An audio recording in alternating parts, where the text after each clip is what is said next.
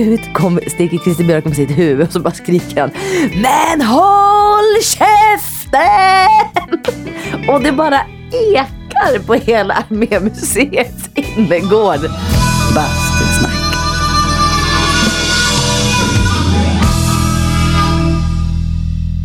Hej och välkommen till avsnitt 61 av Bastusnack. Podden där jag, David Granditsky, sätter mig ner med någon bekant i bastun och snackar lite. Fast det kanske man förstår av namnet på podden. I och för sig snackar jag lite också om det här med bastu. Huvudsponsor för podden är ju nämligen Tylö Helo Bastu. På tylö.se så finner du all info som du behöver för en perfekt bastuupplevelse. Där finns basturum, ångbadslösningar och wellnessprodukter. Och man kan också läsa in sig på all möjlig information om klassisk bastukultur. Där hittar du också monteringsfärdiga basturum från Tylöhelo, fullpackade med smarta lösningar för snabb och enkel montering. Du kan bygga bastun själv och anpassa den efter dina personliga önskemål. Surfa in på tylö.se redan idag så kan du förverkliga din bastudröm inom kort. Bastusnack har en Facebook-sida där jag lägger upp lite bonusmaterial då och då. Kolla in den! Och glöm för all del inte heller att prenumerera på Bastusnack i din favoritpodd-app. Vi finns ju på de flesta plattformar. Apple Podcast, Spotify, Acast, Stitcher och ja, de heter så mycket. Och givetvis så hittar du alla äldre avsnitt också på bastusnack.se. Dagens gäst är ex-alkasaren Lina Hedlund. Men Lina är ju så mycket mer än bara Alcazar, även om det har varit huvudfokus för henne jobbmässigt de senaste 11 åren. Eh, men äh, det behöver inte jag sitta här och snacka om. Det är ju bättre att hon får prata om det själv. Över till bastun där Lina precis har tagit plats.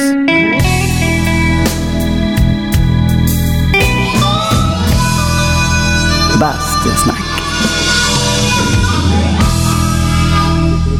Ja, sitter så bekvämt. Alltså man kan inte sitta obekvämt här nere känns det. Ja, men Med den här viewn.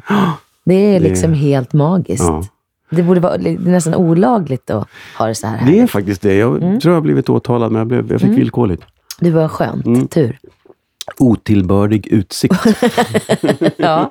ja, det tycker jag var rätt Ja. åt dig faktiskt. Ja. Sa en stadstjej. Ja, eh, jag har, jag, eh, jag har ju så oerhört bra research i den här podden så att Ja. eh, jag råkar ju veta att du fyllde år igår. Ja, det gjorde jag! Att, eh, Nej, joho. va? Vi. Eh, Nu har vi det här. Nej men lägg av! Ja, Nej, fy fan. Har du bakat helt själv Ja. också? Vad du sen är lite- duktig och härlig Så jag har varit i David. skogen här och plockat, gud. plockat hallon och... Nej. Re, tänk att de har Ja, kommit redan. ja. Kommer tidigt här ute. Ja. Eh, och det, ja, den är, Shit vad du en är liten- gullig. den är så stor är den inte. Men en, det är en liten minitårta. eller Ja men det inte. kunde inte bli bättre. Den är, Tack! he- ja, den är Den glutenfri vi. också. Är den det? Ja, jag vet Nej, inte. Gud så trevligt. Men du, vet du vad? Nu har inte du fyllt år David, men jag har en liten present till dig också. Nej, nej, nej. Den här, den här, man vet inte, den är inte signerad men kan ju bli jättevärdefull en dag. Nej, du skämtar! Wow! Ja, kan du rama in eller göra något? Den här är, men den ska nog hänga här faktiskt. Ja, eller hur? Jag har ju lite minnen här och var här inne. Den ska nog Ja, hänga. jag hade liksom en hög med gamla Alcazar-tishor hemma. Så tänkte jag att den ska, en sån ska David Den är få. helt fantastisk. Visst är den lite härlig? Och det, det, man ser ju på bilden att den är tagen typ i höstas va? Ja, ja, ja, den är purfärsk. Ja, ja, det är liksom, ja. Gud. Men det här är ju ja. så, jag får sån känsla att ni funderade aldrig på att göra små Barbie-dockor och sälja? Jo, det fanns ju. Alltså, jag, vet vad jag tyckte vi skulle göra? Klippdockor, du vet, Ja. här, i papp. Kostar ju ingenting att göra. Nej. Eh, men det är ju sånt där som man själv hade på 80-talet när Ja. man lekte hemma i Kilafors. Men det blev liksom aldrig av det där. Vi, vi, vi har varit lite dåliga på den typen av investeringar, tycker jag. Merch. Säga. Ja. Merch. Om man säger så. Men, eh, och nu är det ju för sent. för nu existerar vi inte längre. men- men Nostalgo, nostalgo-merch då? Ja, förlåt, nu tog jag det. Nej, ja. Mm. men jag, jag lämnade min sked där. Ja, det kanske kan komma. Men klippdocka, fatta vad roligt. Tessan och så har man så här tre, Mm. fyra klädbyten som man... Och så kan folk göra Klipper. egna. Mm. Och så kan de skicka in det. Mm. till Maggan och Mm. säga, sån här borde du sy, det är mycket finare. Exakt, exakt. Ja. Då kan hon säga, det där var en dålig idé med klippdockorna. Mm.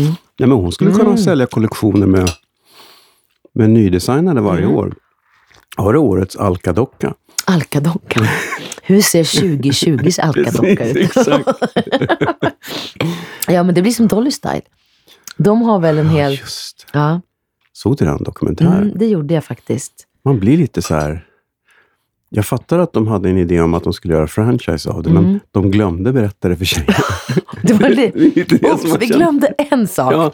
Oh, and by the way, det här Ja. handlar inte alls om er. Det här Nej. handlar om ja. världsdomination.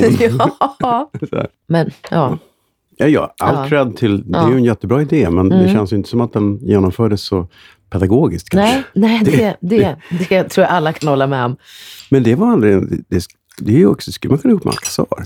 Du, vet du vad? När jag klev med, jag hoppade på med och startade upp bandet 2007 efter att jag hade låg- legat i diskoträda i två år. Då var ju, fanns det en tv-idé. Mhm. Finding the new Alcazar. Och då, då, då var, det gick till och med så långt så att jag var liksom redan klar, men att vi skulle då fejka. Att jag kom på den här inspelningen, att de liksom hittade mig så att jag skulle liksom vara klar innan. Och det var så här, äh, det där spelet, I'm sorry, det är inte jag. Alltså, jag kan inte. Men du Men- gjorde ju någon sorts live audition. Jag läste en artikel där, där du skulle göra första gigget och så, och så, så var det en audition? Jag trodde jag hade fått jobbet. Nej, för du har ju... Jag, ska, Ja, men- jag, jag, kan, jag kan citera här. Om det blir fler spelningar än den på lördag vet inte nytillskottet än. Det vet vi efter spelningen. Kemin stämmer alltid viktigt om vi ska ut och turnera. Så. Ja, Alltså, det var lite... det låter ju som att det var en audition. Fast det kanske bara var en del av den här Mm. imagen. Mm, det var nog lite, nej men så här var det. Jag hade ju stått, eh, jag spelade ju musikal va? Mm. Jag gjorde kabaré med Peter Jöback på Tyrol. Du hade en karriär redan. Jag hade en Som du karriär. offrade. Du, men du, men vet du vad? Lite så var det faktiskt. Jag gjorde ju musikal, jag spelade, jag gjorde även en sommar där med Uffe Larsson, Rest in Peace. Vi spelade eh, Emil i Lönneberga Mhm. på världens sämsta spelplats. För det var på Armémuseets innergård, mitt i stan, bredvid Östermalm, kyrkan. ja. Östermalm med sommar. Vad gör man då? Jo, man gifter sig i en kyrka. Då ringer det klockor. Det kommer ju liksom, hela högvakten kommer ibland. Åh, Mitt kriget sommar- har kommit till Lönneberga! Kriget har kommit till stan. Till Lönneberga, fly. Eh, det flyger ju flygplan Ja. över stan. Alltså det var så mycket ljud. Det var sån dålig idé att ha det som spelplats. Och det var sån kaos den här. Och så var det faktiskt, en, en rolig grej var också, jag hade ju även gjort Melodifestivalen innan Alcazar. Och då bodde ju Christer Björkman på Sibyllegatan och hade liksom fönster mot Armémuseets innergård. Och han då eh, var ju där, liksom hörde ju mig då i början på sommaren. Hur geda mig som barn han var. Sen var han borta i Frankrike där han hade ställe då. Kom hem, var bakfull, ligger där en morgon. Vad börjar då? Hur geda mig som barn. Och han var så jävla trött. Han bara, nej men nu får den där pigan Lina i Emil i Lönneberga bara knipa. Så, han upp, så jag, jag ska precis göra min entré och så ser jag någon som så här vinkar i ett fönster. Så tänker jag, va, vem är Ja, men det måste vara Christer, jag vinkar tillbaka. Så här. Och så öppnas fönstret och ut sticker Christer Björkman med sitt huvud och så bara skriker han Men håll käften! Och det bara ekar på hela Armémuseets innergård. Ja, han var så Härligt. trött på mig den sommaren. Och du fick ändå gig igen sen då emellan. Ja, jag fick ju Trots det. det. Det Trots det. Du sa det, om inte jag får vara med så kör vi Emil i sommar igen. Ja, sommar efter sommar. sommar. Ja, det är lugnt. Flyttar du, du ser till att vi sätter spelplats där. Jo, men han bor ju här ute i våra trakter nu. Ja, men eller hur? F- Fan, ska vi inte göra sommarteater där ute? Men gud Det vad finns en roligt. stor gräsmatta bredvid där. Där skulle vi kunna ställa upp en scen. Åh, Jag har skitbra högtalare. Starka Kan du grejer. det med ja. ljud? Ja. ja, okej. ja, lite grann så. Jag har haft disco en gång. Ja, men, men alltså, jag är på. Så på. Grymt. Nassim kan komma och skratta eller något. Lätt. Spela jobbiga trummor. Ja, Ja. exakt, Det blir exakt. toppen. Skratta. Skratta. Han får bara stå och skratta. Det är många som har velat ha hans skratt som ringsignal faktiskt. Ja, Nej, inte så, men, ja. Nej, men han har ju ett väldigt igenkännande Ja, och eh, smittande Men han skratt. bubblar ofta, han skrattar ofta. Mm, det gör han. Ibland tycker jag han skrattar lite för ofta. Så här, skärp dig. Ja, jag tycker han är lite för glad Kan ibland. vi vara lite sura nu? Ja, vet du vad? Det är Jag, söndag morgon, vi är Ja. bakis. kan du vara snälla. lite trött? Precis. Kan du tycka att livet är lite jävligt? Precis. En dag om året. Men har han inga svarta dagar när han är trött och bakis och feber och barnen är jobbiga? Och... Det måste han ju Nej. ha. Nej, men vet du vad? Det är så sjukt. Jag har ju verkligen sådana dagar och sådana månader. Och just nu är ju yngsta liksom två och ett halvt och säger väl mamma cirka 50 gånger innan man lämnar på dagis. Mm. Och det kan ju jag få... Jag, jag, ah, jag vet inte. Jag älskar att vara mamma och älskar mina barn. Men, Men- ibland vill man ju bara, sådär.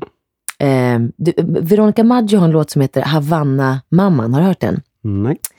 den är lite hård i texten, men det är så här. Hon lämnar man och barn och huset, aldrig ångrar hon beslutet.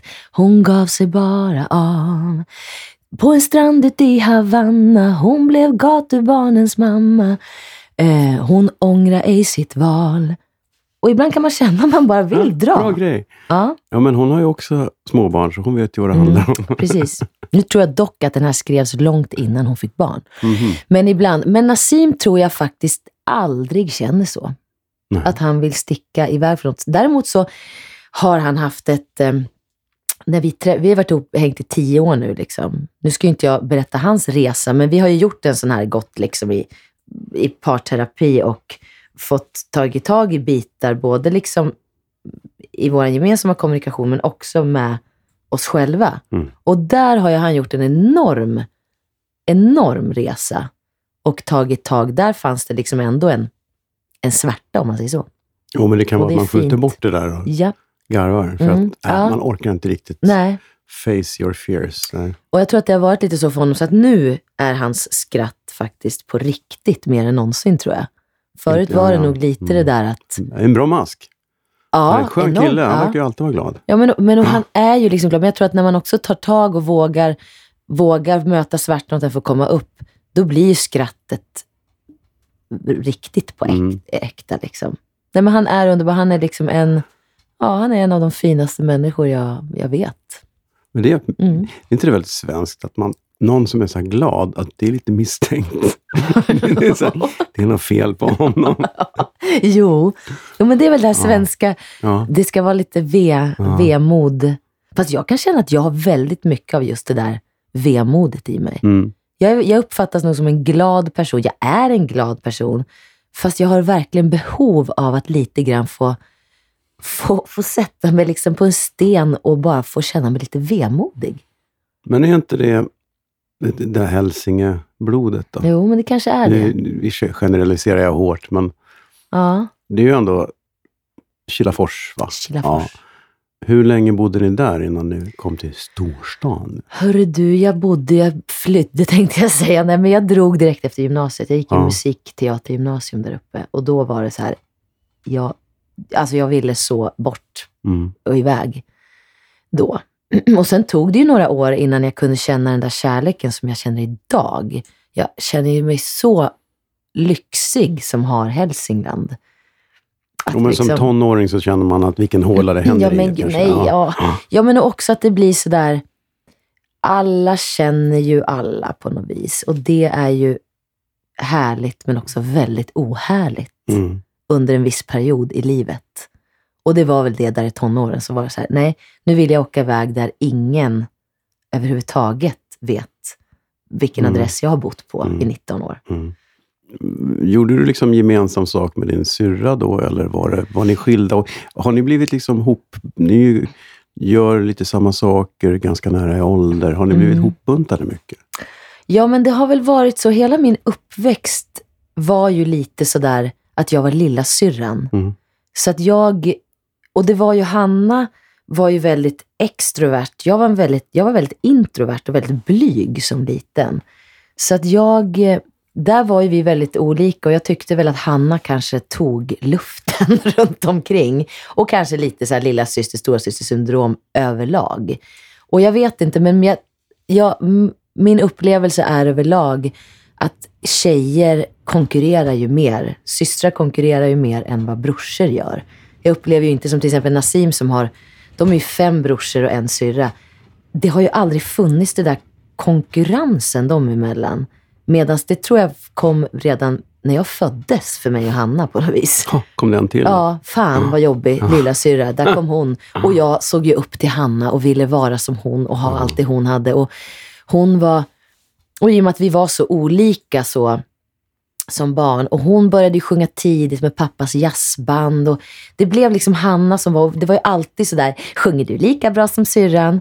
Från andra. Det där har man ju fått höra och det, det, det där tror jag är, jag har sagt det till mina barn att åh vad det är viktigt att de, att jag ska behandla dem som två individer. Ja. Inte, och inte prata i den här jämförelsetermerna för jag tycker det är, det är inte positivt. Bastusnack. Ni hade musik hemma i familjen då? Vi hade musik hemma. Alltså våran pappa, som tyvärr gick bort för tre år sedan, han var ju liksom jazz. Han var ju så här barnsligt förälskad i jazz. Och Ja. spelade, var trombonist och banjoist. Så att jag är uppväxt med liksom jazz, jazz, jazz. Och mamma lyssnade på Beatles och sjöng i kör. Och pappa startade ju liksom Kilafors storband. Förstår du? Liksom, det är ganska coolt ändå i ett Ja. samhälle med 2000 invånare med omnejd. Och drog ju till... eh, Det är lite så, så som i himlen. Ja, ja, ja. Jo, men han, han var ju uppväxt på bondgård. Ja. Men ville ju inte alls bli bonde, utan Nej. han ville bara spela jazz. Så att han, och så var ju han ju franska och engelska lärare, så han pluggade ju i, i Uppsala då, där han även var med och startade Fåntrattarna, Jaha. som finns idag. Ja, Mm. ja. Så det var pappa. Oj. Så han, det finns ju så här massa vinylplattor då, pappa liksom framme där. Och så hade han, Mm. han och mamma en hund som heter Shane, som alltid var med på scenen också. Så att de hade ju så här återträffar eh, med Fåntrattarna. Eh, och så. Och sen så spelade han i Hudik Big Band och så hade han ju så att det var ju liksom tradjazz. Ja. Och han, sen startade min morbror och pappa och en annan eh, av deras bästa kompisar ett då, en, en jazztrio som heter Bälsegubbs. Och Bälse då är byn där min mamma växte upp, som ligger bredvid Kilafors. Mhm. Och där mamma och pappa bodde se, se, sista 15 åren. Så man bor i Bälse är kvar. Kilafors liksom stan. Ja, så är det. Det är Ja. tre kilometer Ja. nedförsbacke till Ja. stan. Så det är jävligt jobbig uppförsbacke när man ska hem.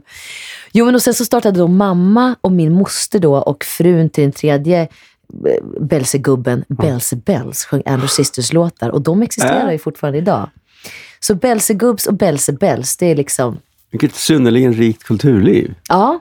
I dessa lilla små... Ja, men och sen så, Hanna och jag då, vi, vi var ju hemma och gästade någon gång, så jag kallade mig då Baby Bellen. Jag var hemma och fick gästa med, med gubbs och bells.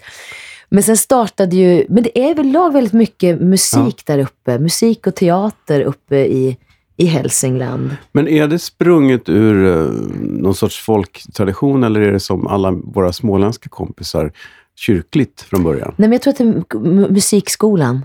Ja, Ja, det var liksom, som tyvärr inte existerar. så det är inte så här rellobälte som det är? Det är inget Ja. rellobälte, nej. Det är det inte. Ehm, men mycket, och liksom min, min, eh, min gammelfarmor, men det var ju mycket nykterhetsrörelser Mm. där uppe på, på den tiden. Och Då, där var ju mycket teater och musik inom nykterhetsrörelsen. Det är väl rello? Mm, Ja, UGT NTO? Eller ja, jo, jag det var tror ju, det. Jag är, det är det, ja. vet inte, jag har inte Nej. varit nykter. Nej, inte jag heller. Igår var jag inte nykter födelsedag heller, så jag är lite så Vad här... härligt. Ja, så Jag såg något sån här Insta-grej, så Mm. tänkte jag, undrar om hon kommer då? Men vet du vad, jag har ju någon konstig så här. Jag har ju aldrig varit bakfull så att jag har legat Nej. en hel dag med huvudvärk och kräts. Jag vet inte vad, om det är något fel eller rätt i mig. Nej, men det är någon enzym tror jag som man Ja. kan ha. Det, det, Kanske. mm, det är en här, härlig eh, egenskap Ja. att ha. Mm. Du var ju den lite som var ordningsmannen har jag förstått i Alcazar. Ja. Som liksom Mm. såg till att alla var där de skulle. Och, ja. Men jo, men så. Kal- liksom Kalender så Hedlund. ja, det, Jo, men jag... Alltså, jag är den som lämnar festen sist. mm, ehm, av oss tre ändå. Även fast jag är ordningsmannen så står ju jag på bordet och dansar till sex på morgonen.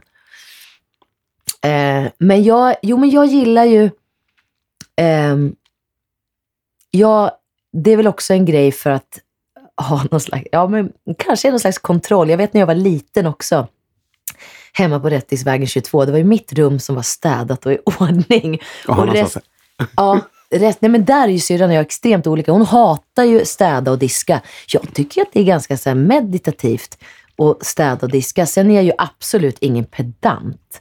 Absolut inte. Men det kanske också är så här, jag kan ju mer kanske då ha lite kaos i mina tankar och mitt inre ibland och gå runt och grubbla. Och då kanske det är skönt då att så här, min kalender har jag koll på och struktur på. Mm. Och så kanske det kommer också den här att ha koll. Jag tycker ju om att göra en bra business också tror jag. mm, Så att så här, det här med företag. Vi hade ju aktiebolag ihop under en period, Tess, Andreas och jag. Och det, never again, säger jag.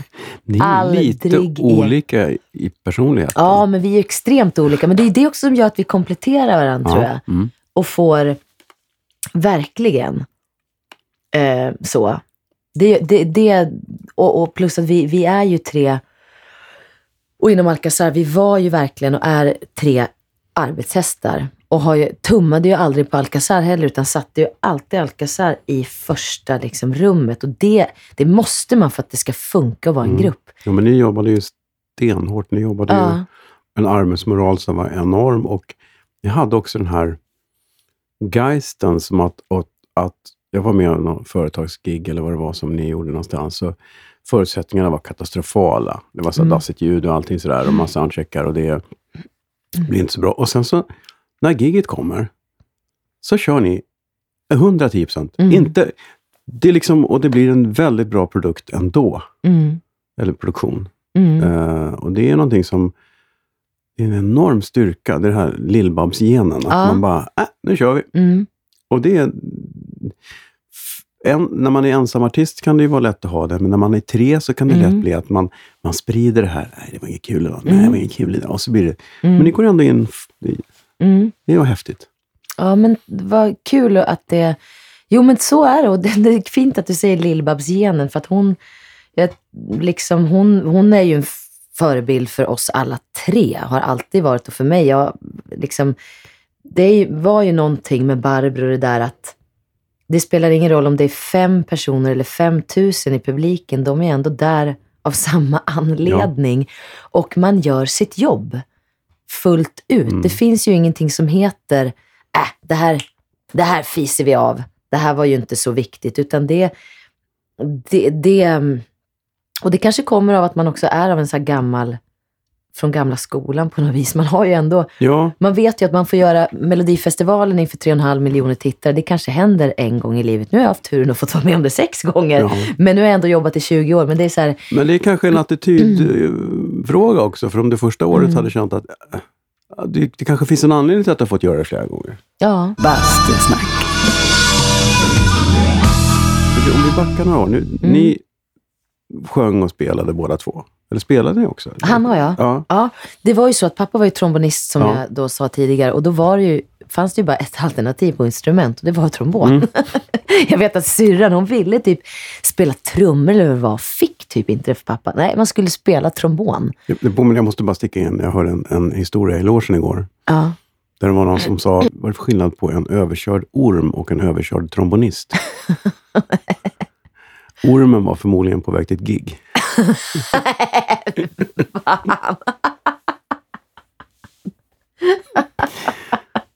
Och med det vill jag säga, är verkligen Det- trombon det perfekta nej, karriärvalet? Exakt. Det är dålig, dåligt investerad musiktid att ge sig på en trombon. Tydligen. Ja. Ja, det är, vet du vad, jag ångrar... Det finns en sak som jag verkligen ångrar. Jag tycker inte man ska ångra saker och allt är mening, men jag ångrar att jag inte fortsatte med instrumenten. För jag spelade både piano och trombon eh, och har gått så här, gitarrkurs. Jag kan liksom spela Här kom Pippi Långstrump idag, typ. That's it. Men, men det är någonting jag ångrar. Vi har ju allt, allt hemma och jag kan sätta mig vid pianot och liksom plinka. Men jag ångrar det att jag inte, och det säger jag till, mina, till min äldsta son som nu är sju. Jag bara, spelar ingen roll vad du vill göra, men att kunna ett liksom basinstrument, Mm. ett gitarr eller piano, det har man liksom alltid glädje av i livet. Så är det, för musik mår vi alla bra av. Det fick jag höra mycket när jag var liten och det förstod jag aldrig då. Nej. Och så förstår man det nu. Ja, det, och lika så här, fan vad coolt. Jag menar, Karin Hammar, hur ball är inte hon? Mm. Och tänk att kunna spela trombon. Jag, kan, jag har ju trombonen hemma. Jag kan ju spela. Ja, men du spelar ju i showen. Jag spelade i showen, ja, exakt. Det var ju ascool, för det Ja. blev en sån här showstopper. Ja, men det vart en Men så, liten fan så är det här. Och då Den är inspelad va? Nej, Ja. det är den faktiskt nej, inte. Nej. nej, men och det är lika där. Men jag, jag funkar ju också så. Man måste ha ett mål. För det är så här nu bara, men ska inte ta upp trombonspelet? Ja, fast varför ska jag stå hemma och tuta? Då måste jag ha ett mål och Ja. veta att där ska jag göra det. Då skulle jag absolut kunna tänka mig liksom börja om på Tobbe trombons Men första. du är väl lite, är det, inte, är det också så här lite att, att du behöver lite press? Ja, Att, att om man säger att, uh, ah, vad det blåser förresten. ja det är verkligen. Ja, svanen och liksom åker med Ja, där ute på vattnet, stackarn. Surfande simma, svan. simma. Ja. Hjälp, Ja. jag glider in i isen. ja. Nej men eh, just det här att man, eh, oh and by the way, du ska göra ett gig om tre veckor och det vore väldigt bra om du kunde ta saxofonsolot. Mm, Jaha. mm, Men däremot så skulle du väl aldrig sätta dig och lära dig spela saxofon om inte Nej. någon sa, nej, eller du måste lära den här låten, du måste, ja, då, blir det det och så sitter det. ja. Men inte annars. Nej, nej, nej, nej. nej men det, det är liksom... Nej, det skulle ju inte hända. Eh, men jag är oerhört glad över att jag hann med en sak innan pappa lämnade. Och det var min syrra, hon fyllde 40 för fyra år sedan. För jag fyllde 41 och igår, hon är tre år äldre. Och då på Hannas 40-årsfest, då gjorde jag en liten så här kupp. Först började jag med, jag gjorde en trestegsraket tror jag det blev. Jag började med att läsa en dikt, så här, syster. Ja. Och sen efter det så, så, så tog jag upp Hanna på scenen och så, Hanna har skrivit en fantastiskt fin låt som heter Syster från hennes platta Det är jag som är mamman. Jättefin skiva som min syster har gjort.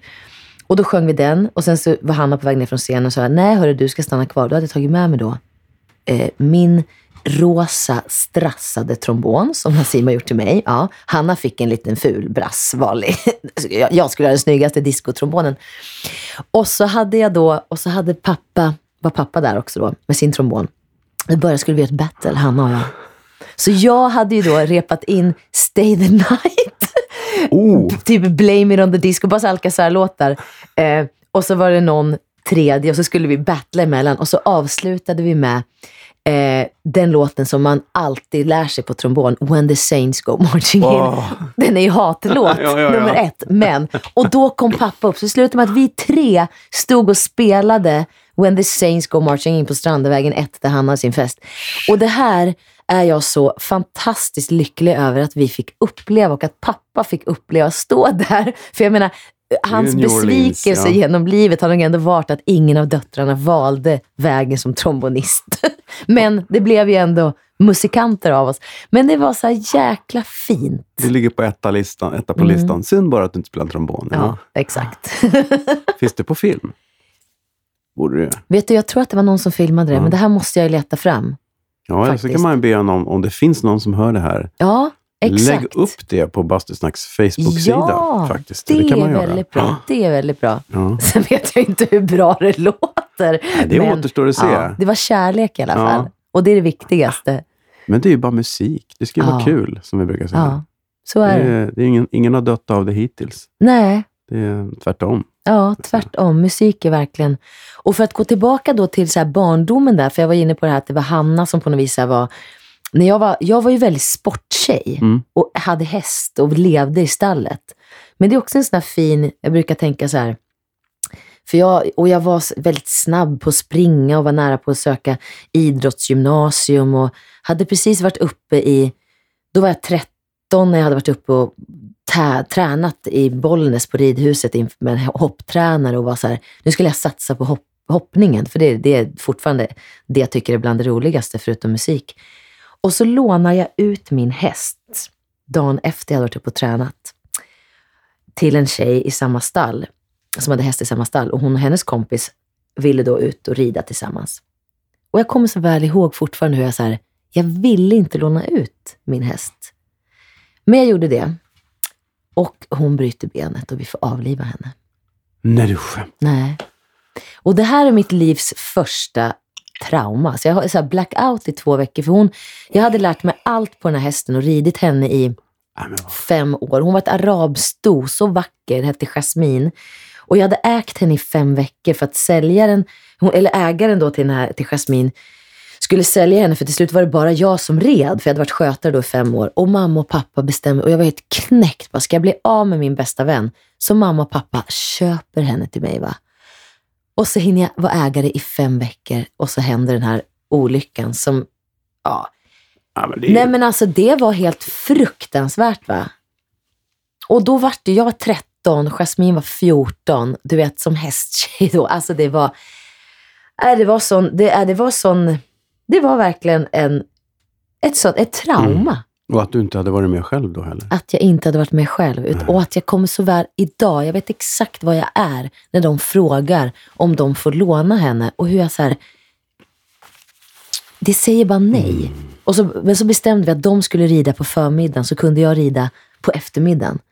Men hur kände... Det måste ju ha varit... Ah. Vi snackar skuldkänslor. Hur...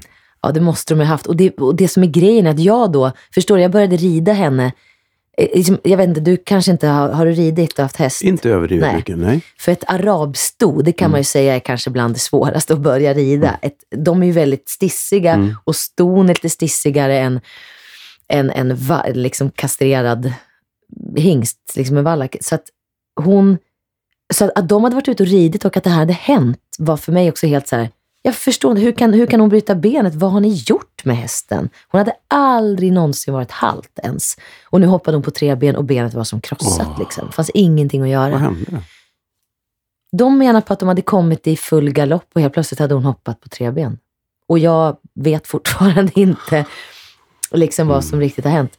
Men jag kan också tänka så här, vad hade hänt om inte det där hade hänt? Hade jag satsat på ridningen? Det kanske hade blivit verkligen så här, för det gjorde ju att sen var, här lånade jag en häst i ett år, men du vet, sen blev man 14, blev det killar och det blev annat och det blev så här, det dog lite med mig där. Och sen började jag ju då musikgymnasiet och då var det så här, när jag började musikgymnasiet, då fick jag på något vis blomma liksom i fred. Mm. För där var inte Hanna, där var inte pappa, inte mamma. Det var lite så här, jag har varit uppe och gjort audition för det här, sökt in. Jag sjöng Hasse och Tages Tummen, gjorde jag. Jag Ja. är mord i tummen, tummen, tummen. Inget är som tummen, tummen. Bra. Märkligt val av auditionlåt, men ja, Ja, men det ändå. Tummen den är bra, inget är som tummen. Ja, det, är, det är ju bättre än den här klassiska auditionlåten som man har suttit och hört. Summertime. Det är ju liksom låtar, ska vi tänka, listor på, en lista på låtar man inte ska sjunga när man är lite nervös. Mm. Ett, Summertime. Och vet en annan låt som man inte ska sjunga? The minute you walk in the joint, bam, bam. Det var väl typ Wallmans auditionlåten. Jaha, okej. Alltså jag tror 90 procent av alla sjöng Ja. Hey big spender.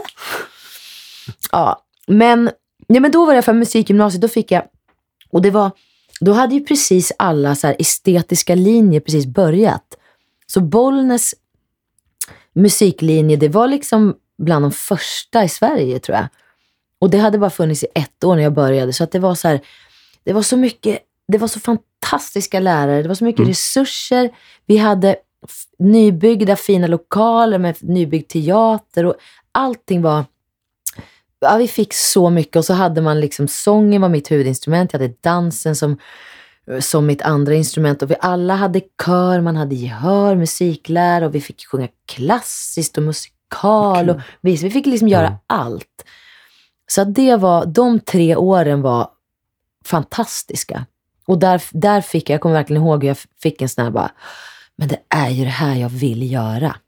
Hade du någon musikalisk identitet? Att jag ska sjunga jazzvisa, rock, disco? Eller hade du någon, vad, vad, vad gillade du? Vad lyssnade du på för musik då? Men, jag, ja, men min första platta var ju liksom Nirvana, Smells like teen spirit. Det Mm. Ja. var liksom min första som jag så köpte fysiskt.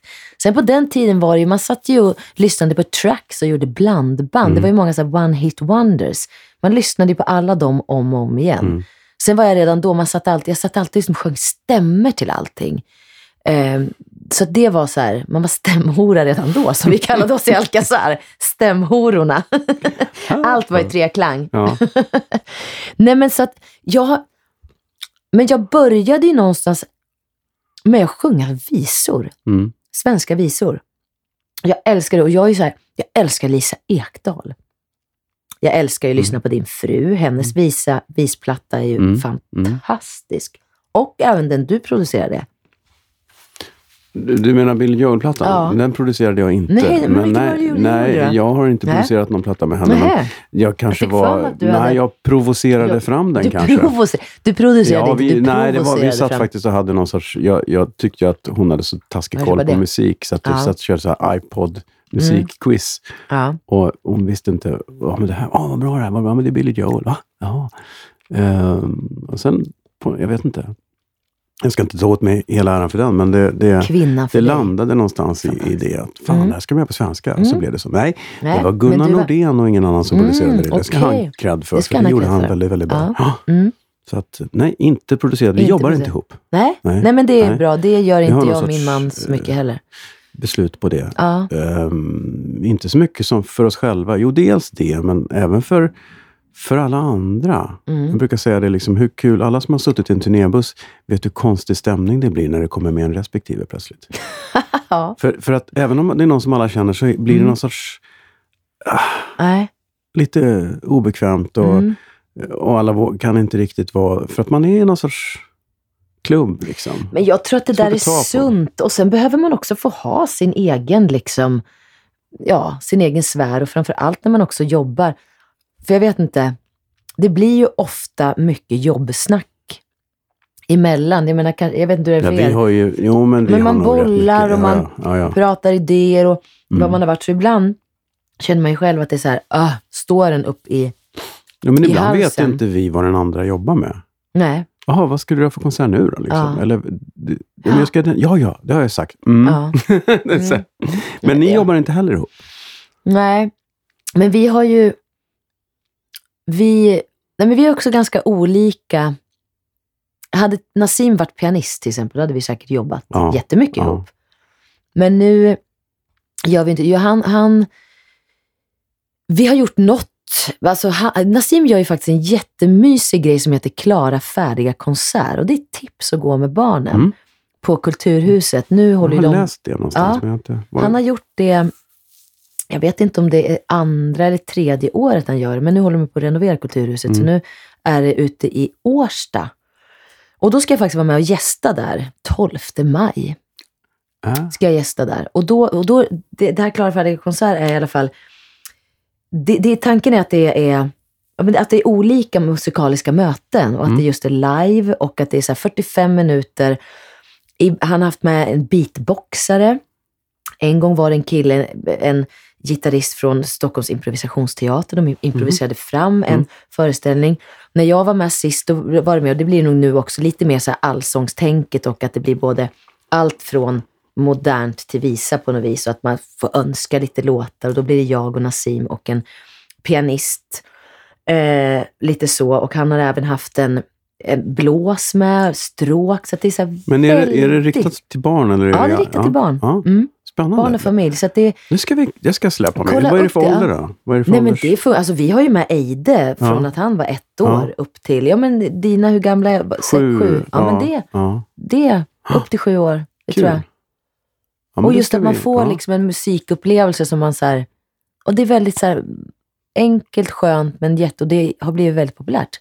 Han har ju ett sån karisma som bjuder in till... Han har en sån lätthet i sitt... Som är, Ja, det blir inte svårt. nej, Det är kul. ja. Men för att återgå till Ja. det här med... Du sjöng visor, Ja, visor. då. Ja. Men sen hade man ju, alltså jag har ju varit, jag är ju väldigt allätare på musik. Mm. Och där tror jag också både så här, Ibland har jag ju verkligen kunnat önska att så här, men tänk vad skönt om det var så att jag bara älskade country, så visste jag att det var det jag ville sjunga. Nu har jag ju... Skittråkigt att vara sån. kan- jo, på Nej, ett sätt. inte Nej, men- country, men jag menar Nej. skittråkigt att vara sån. Att man Ja, men jag tror- bara... Ja. Jo, men jag tror att jag har vänt det till att så här, jag får se det som en, min, en styrka, att jag har en bredd och också i det här att jag har gjort lite musikal, man har sjungit liksom pop och rock och sen varit disk, i en discogrupp i 11 år. Och där är ju Alcazar har ju varit med det här Alltså jag är ju en showgirl, jag älskar ju det att få kombinera dansen och sången och uttrycket på det sättet. Sen är ju ändå Alcazar är ju ett koncept. Och jag, det är ju en, en färg av mig i det. Och jag tror att ingen, vilket är också lite spännande nu då jag på något vis, efter att jag har jobbat i 20 år på scenen och efter 11 år i Alcazar nu kliver ut i så här solo, sololina igen. Då, där kan jag väl känna en liten så här, hur, hur låter sololina? För jag har ju, i mitt hjärta har jag ju det där svenska projektet som, som jag någon gång ska göra. Eh, men det, allt har ju sin, sin tid på något vis. Man kan inte göra allt. Och så kom ju den här låten då, Victorious, till mig i Melodifestivalen nu. Och då kändes det så här, ja men att kliva ut ur Alcazar med den kändes liksom rätt. Och det kändes också viktigt och skönt att på en gång när Alcazar tog slut, att kliva ut och säga, här är jag och jag kan stå själv. Och jag är ju enormt liksom glad att det tog mig direkt till final. Så för mig är det så här, för mig är det en sån, sån vinst på många plan på något vis. Sen så är det ju så här, nu ska jag in i studion och spela in uppföljaren till Victorious och är ju lite där nu att jag inte vet hur det låter exakt. Men det är också något jag ska in nu och, och både våga, för jag har aldrig varit, suttit i en studio och liksom skrivit musik. Men vågar du förhålla dig till de förväntningarna? För jag tycker att, att eh, i Mellon så var det en liten, jag tyckte det var en ganska naturlig eh, uppföljare till Alcazar. Ja, men så kände det var jag liksom, också. det här var Mm. ju så självklart du, Mm, som, som du uppfattas ö, ö, ö, Mm. konstnärligt just nu. mm. Känner du att det finns ett, ett att, att det finns förväntningar på att du ska göra någon sorts eh, Alcazar 2.0 variant? På att du måste hålla dig till den? Eller Nej, tror jag att du vågar släppa in... Jag tror verkligen att jag vågar släppa in annat. Däremot så tror jag väl att jag också tänker lite smart på något vis. Mm. Att också förvalta det jag har byggt upp med Alcazar eh, under 11 år. Och därför så tror jag att, jag menar jag hade ju kunnat jobba för att vara, komma med och få göra Melodifestivalen med en svensk visa. Mm. Men, men då tror jag att jag kanske investerar lite fel just nu. Närmsta två, tre Ja, men jag tror det åren. också. Jag tror att det är klart att du ska rida på den här Ja. svallvågen från Alcazar och fortsätta vara Exakt. ex-Alcazaren. Men Ja, kan man, kan man ha en parallell... Jag tänker så här, Annika Norlin som kör Mm, liksom Hello Safe mm, Ride och ja. säkert ja, som två...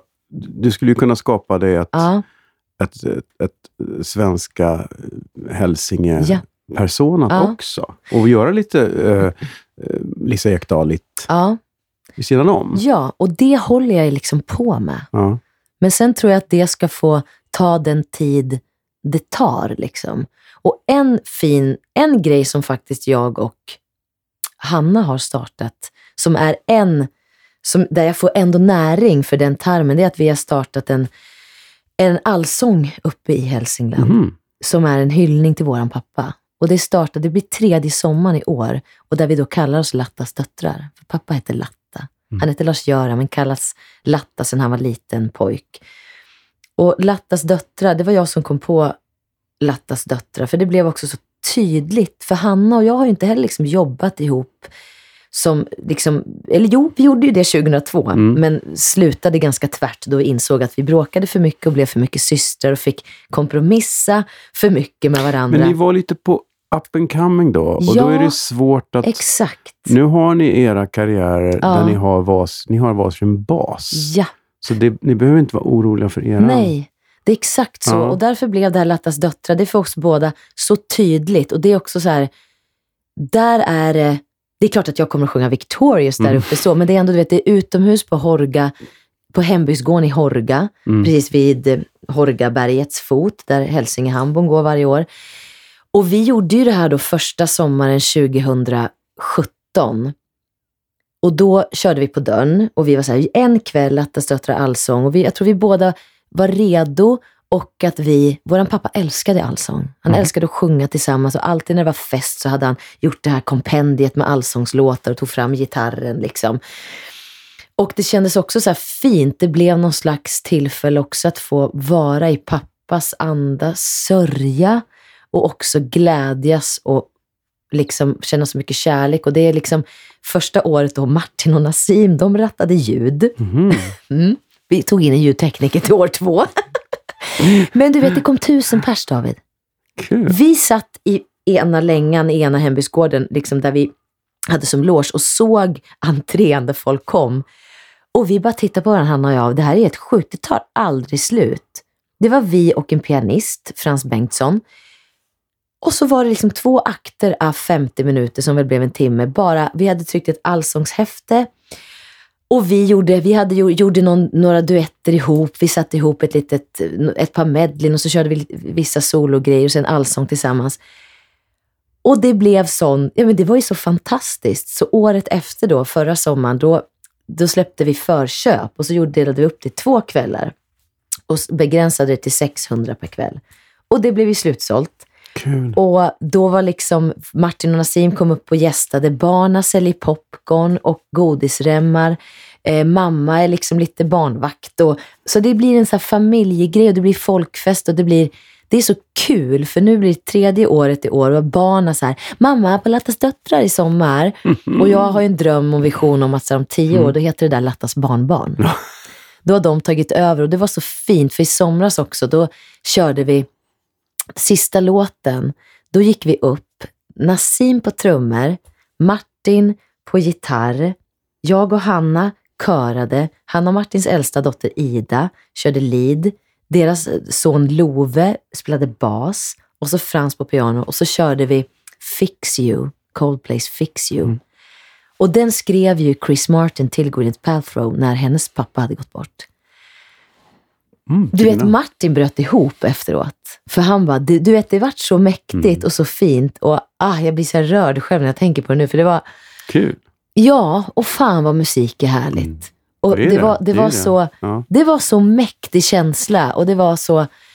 Det är också så här, jag, jag blir så full av kärlek i hjärtat och känner också att man har startat den här traditionen och att alla vill komma och sjunga och göra det det är här klart, tillsammans. ni är ju därifrån. Det måste ju finnas en, en otrolig lokal patriotism i det också. Ja, men jag tror det. Jag tror att folk känner sig väldigt så här, glada att vi vill återvända hem och vi gör ju det. Hanna och Martin har ju köpt ställe där uppe. Mm. Nassim och jag pratar om att bygga ett ställe bredvid mamma och liksom, det är någonting att komma hem dit och barnen älskar liksom att vara där. Men när är det?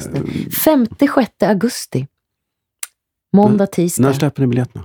Du, de är slutsålda redan! David. Vi släppte första december och innan jul var det slutsålt. Men hej, det är ju utomhus. Att Ja, jag menar, ja, ja. kommer man, har man Ja. vägarna förbi Horga 5-6 augusti så lovar jag att Ja, man, Man- står och ser man- lite ledsen ut ja, dörren. så. då blir man insläppt. Ja, jag Ja. kommer ihåg. Mm. Jag tror inte vi har något planerat just där. Nej, men kom! Mm, mm, Det vore kul. så mysigt. Ja. Nej, men. Ja, men det var ju, förra året var ju Peter Jöback kom upp och gästade. Ja. Han var uppe och skulle hämta sina döttrar. Mm, mm. Så han var, kom där på, på, på måndagsföreställningen eh, och rev av två låtar. Man behöver inte gästa, ska jag Nej, säga. okej. Alla är välkomna ändå. Men det är också sånt som är så här, förstår du för folket som var där? Ja. Va? ja, det är klart. Kommer Peter Jöback upp och kör? Och han är ju Peter, vi har känt varandra jättemånga år. Ja, men det, och det är så det ska vara. Det ska liksom bara vara glädje och Härligt. allt kan hända på en Lattas döttrar-kväll. Liksom. Bastusnack. Jag minns när det nu var första gången så hörde jag talas om de här musikalsystrarna. Mm. Ja, de, och det var, ni var så här underbarnsstämplade. och från ingenstans var ni plötsligt överallt. Ah, de här systrarna Hedlund, som- och man tyckte fan vad de verkar präktiga. Men hur, hur landade ni där? Ja, hur landade vi? Ja, men alltså jag måste ju faktiskt verkligen rikta ett tack till min stora syster som har gått i bräschen för systrarna Hedlund. Hanna, jag gick ju då, Hanna gick en folk, folkhögskola nere i Göteborg. Wendelsbergs folkhögskola, showmusikal. Och jag hade ju då gått ut musikgymnasiet. Musikgymnasiet fanns ju inte när Hanna gick. Så hon, men hon hade ju hållit på med musik ändå på fritiden och i skolan. Men Hanna hade gått Wendelsberg och jag var lite sådär efter gymnasiet att nej men nu skulle jag, ville jag utomlands. Skulle åka som au pair och bara så här, bryta av. Men så gick Hanna på Wendelsberg och liksom övertalade mig att komma ner i audition och bara, det ska gå här Lina, det måste gå. Så jag åker ner i audition eh, och kommer in och går då Wendelsberg. Eh, går ett andra år eh, som var musikdramapedagogutbildning. Och det gick Hanna också. Och då var jag väl lite så här, när jag gick andra året, då kände jag lite så här, det var bara någonting i mig. Jag var lite trött på att vara, tror jag, där Hanna hade varit. Mm. Och lite grann att jag var lilla systern Och det var väl någonting jag tampades med. Och behövde också hitta mig själv. Och det var en period i livet, jag var liksom 20 bast. Jag hade liksom, du vet, mycket tankar med sig själv. Man hade lite en släng av ätstörning, du vet. Man mådde ganska kast och var rotlös. Och mamma och pappa flyttade isär under den tiden. Eh, sen flyttade de ihop igen några år senare. Men det var en sån period i livet då det var, äh, vem fan är jag? Mm. Så då åkte jag upp till Stockholm och gjorde audition för att få åka och jobba på Sunwing Resort. Så då flyttade jag till Rhodos och gjorde show på Sunwing i sju månader. Mm. Och hade det så jävla bra och fick göra allt från barnshow till, men också sjunga allt. Ja, men det är så kul. Och Ja. folk som gjorde sånt i början av karriären brukar Ja. säga samma sak. Ja. Helt fantastiskt, vilken grej. Ja. Och sen när man åker ner själv och, och Ja, hamnar på en sån där ställe, man stackare, måste de göra det här? Och nu har de gjort det här, åh men gud. Och nu har de någon jävla kostym på sig. Jag tycker alltid, så, men så, så, man glömmer ju bort den här grejen att själv har man hållit på med det här i en miljon Mm. år. Ja, De börjar precis och tycker det är skitkul. ja. Jag, jag har så svårt att fatta att det är kul. Ja. Men, sen var det väl kanske en annan tid och då var det ju så här, ah, då var det ganska, det var inte så jävla illa att Mm. få åka iväg och göra en rådårsshow. Och då, då på det, liksom, Tessan, hon skrev ju och producerade shower för Sunwing då. Mhm. Det hängde ju liksom ihop Mm. med Wallmans mycket. Det var ju så här, liksom, Ja, men det ser- föddes väl lite ur Mm. den? Ja, men och det var ju, när man var på Sunwing, Ja. då var det så här, ah, dig kommer man ju få se på Wallmans. Så var det. Och när man var på Wallmans, dig kommer man att få se i Melodifestivalen. Det var liksom de Det var stegen liksom- då. Det är så det ska gå till. Det är ja, så men, ja, ja, men det var lite så att då hade man liksom lyckats. Ja. Så efter Rhodos, då flyttade jag till Stockholm.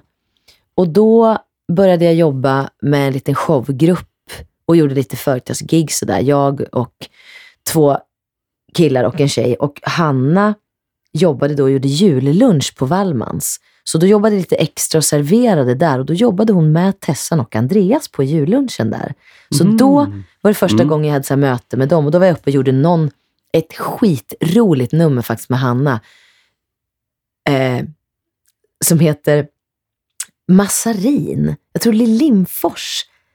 Mhm. En massarin. Hanna sitter i alla fall på, det var någonting, hon satt och åh, skulle ha något fika och så kommer jag in och bara, en massarin, en massarin. Det är en massa kalorier in. Det är en massa kalorier i en massarin, ja massa kalorier in. Och så säger hon, men bara en. Och så säger jag, men lilla vän, du måste tänka mer på din figur. Det har du stått och lovat badrumsspegeln en och annan nyårsafton, eller hur? Så ställer hon sig upp. Jag vill ha choklad med vispgrädde. Ja, väldigt roligt Underbart. nummer. Ja. Fan, det här måste hon och jag göra på Lattas döttrar. Det är klart man måste. Det här måste jag smsa Men nu Hanna kommer en sen. låt om ätstörningar. ja. Det ja, men, Nej, men så, Ja. och då och sen började vi jobba med den här showgruppen i alla fall på båt. Du vet, jag har gjort alla Mm, de där slitjobben. mm, mm. Så då började vi jobba på båt. Eh, det här var ju då 99 fl- var- flyttade till Stockholm och så serverade extra på Wallmans och jobbade med den här showgruppen. Sen jobbade vi då på båt ett halvår. Från liksom typ nyårsafton där, 20- 2000. Mm. Och sen slutade jag på båten. Dagen efter började jag jobba på Wallmans. Och så jobbade jag på Wallmans i två år. mm. Och då jobbar man jättemycket. jävlar. Alltså jag kan Mm. säga fortfarande, jag har, även fast vi har jobbat som, ja, så himla mycket med Alcazar så känns det som att ingenting blir så tufft som Wallmans Nej. salonger. Och på den tiden fick man röka där David, fattar du? Mm. Och man drog bord och man serverade och man stolade upp och man stolade ner. Alltså man levde ju Wallmans. Ja, men som, man ska vända på det som restaurangägare, det är ju världens bästa koncept. Nej, men det är De gör- gör fantastiskt koncept. Ja. Men det var ju också, det var ju samma där. Man fick ju sjunga allt, alla möjliga genrer. Man fick testa på och jag, det fanns ju två scener på Wallmans då. Mm. Det var i logen och så var det stora scenen. Jag jobbade ute i logen och körde den själv. Mhm. Och andra året valde jag att vara kvar i logen men att jobba tillsammans med en kille där ute. För då fick jag ju Men det är 2002 då eller något sånt där? Ja, p- jag jobbade 2000-2002. Och sen 2002 på, gjorde jag och syrran Melodifestivalen. Mm. Med en låt som heter Big time Ramalam, party going on around, big time, big time Ramalam. Och då hade, för då hade Hanna gjort eh, Anropa försvunnen, Hallå hallå, Just det. i Melodifestivalen 2000. Och då var det hennes idé då att, jag har en idé, jag har en lilla syster som sjunger, vi kan göra något ihop. Så då gjorde vi Big time.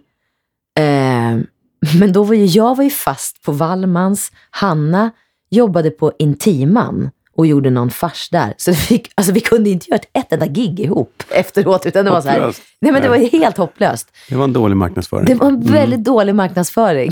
Men det var också ganska så tydligt när vi gjorde Big Time Party att vi var väldigt mycket lilla syster, stora syster. Mm. Ehm, och sen året efter det, då gjorde jag Melodifestivalen själv.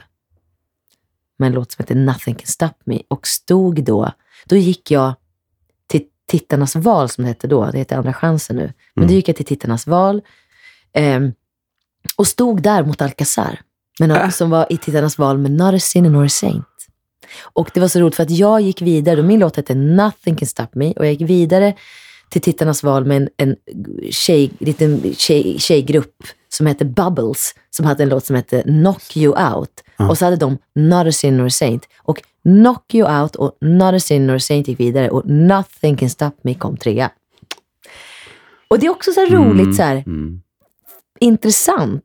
Sen, här var ju då 2003 och Men ni var ju kompisar då. Det är ju så här klassiskt. Ja. Alla, men Mellon brukar ju vara alla känner alla Ja. ändå. Mm. Men ni jobbar tillsammans på Wallmans och så, oh, and by the way, nu ska vi tävla på lördag mot varandra. mm. Men var det konkur... Var det, Fast det... då, fast då kände vi inte riktigt varandra så. Och jag, Nej, var var- ju, jag var inte i samma deltävling som Alcazar. Nej, Jag var i samma deltävling som de här Bubbles. mm. Men vi möttes då i Tittarnas val. Vad gör de idag? Ingen aning. De existerar inte som grupp tror jag i alla fall. Nej. Tänk på det alla ni nästa gång Ja. ni kommer efter någon sån här Ja. liten... Ja. Mm. Men var det... På Wallmans är det ju, var det ju väldigt, väldigt, väldigt mycket folk som vill bli artister. Ja. Eller Det är ju det, det är Mm. hela idén går ut på. Mm. Va- Var det en sån intern konkurrens där också, lilla syster Stora? Alltså, fan, nu snodde hon det numret. Det hade jag velat göra. Var, var det något sånt? men vi Eller- eller jobbade var inte det... ihop han och jag. Nej, men jag menar, jag menar, Du menar mellan, mellan- de man jobbar med, kompisarna. Liksom. Eh, Var det, var det, var det lite smygkonkurrens där? Eller var det... Stöttar man varann? Mm, men jag tror att man stöttade varandra. Mm. Det tror jag. Det Fast så- jag tror väl ändå att alla, det, det är lite så här, Wallmans är ju lite så här, more is more Mm, and even more på något mm, vis. mm. Det, alltså, det kan man ju tänka nu. Man hade ju velat så här, göra om och göra rätt. Och så här, Mm. Här behöver jag inte ge 150. Utan här kan jag gå tillbaka. Lite, lite dynamik Du kan vara bra. behöver waila redan, redan i introt. Nej, och jag behöver, nej, det, exakt. Jag behöver inte spätta varenda låt. Nej. Jag fick ju ett nummer skrivet till mig av Micke Gran faktiskt. Mhm. Som eh, regisserade Lilla Logen där jag jobbade. Och han skrev ett Lill-Babs-nummer till mig. Och det är ett nummer som jag fortfarande har kvar och som jag ibland gör. Det är en liten hyllning till Barbro och det är ett sånt här nummer jag älskade och älskar att göra det där numret. Redan då och nu 20 år senare. Mm. Mer. Vad, hur många år sedan är det? Vad är vi? Ja, 17 år senare. Ja. Mm.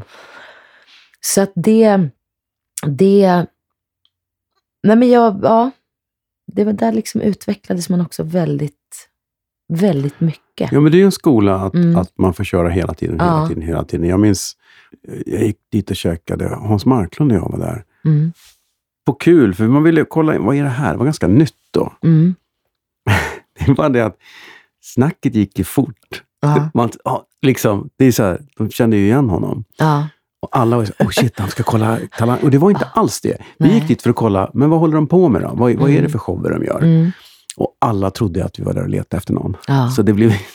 Men det var ju lite så det snackades det också så ja. om. Och liksom den har jobbat här och liksom Ja. den har gått vidare. Det var ju, och, eh, men, men, alltså det måste jag ju också säga, vilken disaster att man byggde om Wallmans salonger på Teatergatan 3. Mm. Åh, alltså jag får så ont i mitt hjärta. För den lokalen, hade man haft kvar den lokalen som den såg ut då, det hade varit ett unikt och en liten pärla i Stockholm. ja. ja Mm. med de här kabarébenen och den här buren och det här röda sammet, det murriga. Alltså, För inte Åh. gjorde man... Man slängde in teater... Alltså, jag kommer ihåg att jag var en gång på gamla Atlantic, som det då hette, Mm, ja. när det var nattklubb. Och då Mm. minns jag att det var lite så här murrigt och sammetsaktigt. Jag har Mm. fått en känsla av att när man byggde Wallman så hängde man in massa rolig teaterrekvisita. Ja. Men man byggde inte om det så mycket. nej, nej. Det var gamla, samma gamla mysiga klubb på något Ja, sätt. och det hängde bilder från Atlantic och Ja.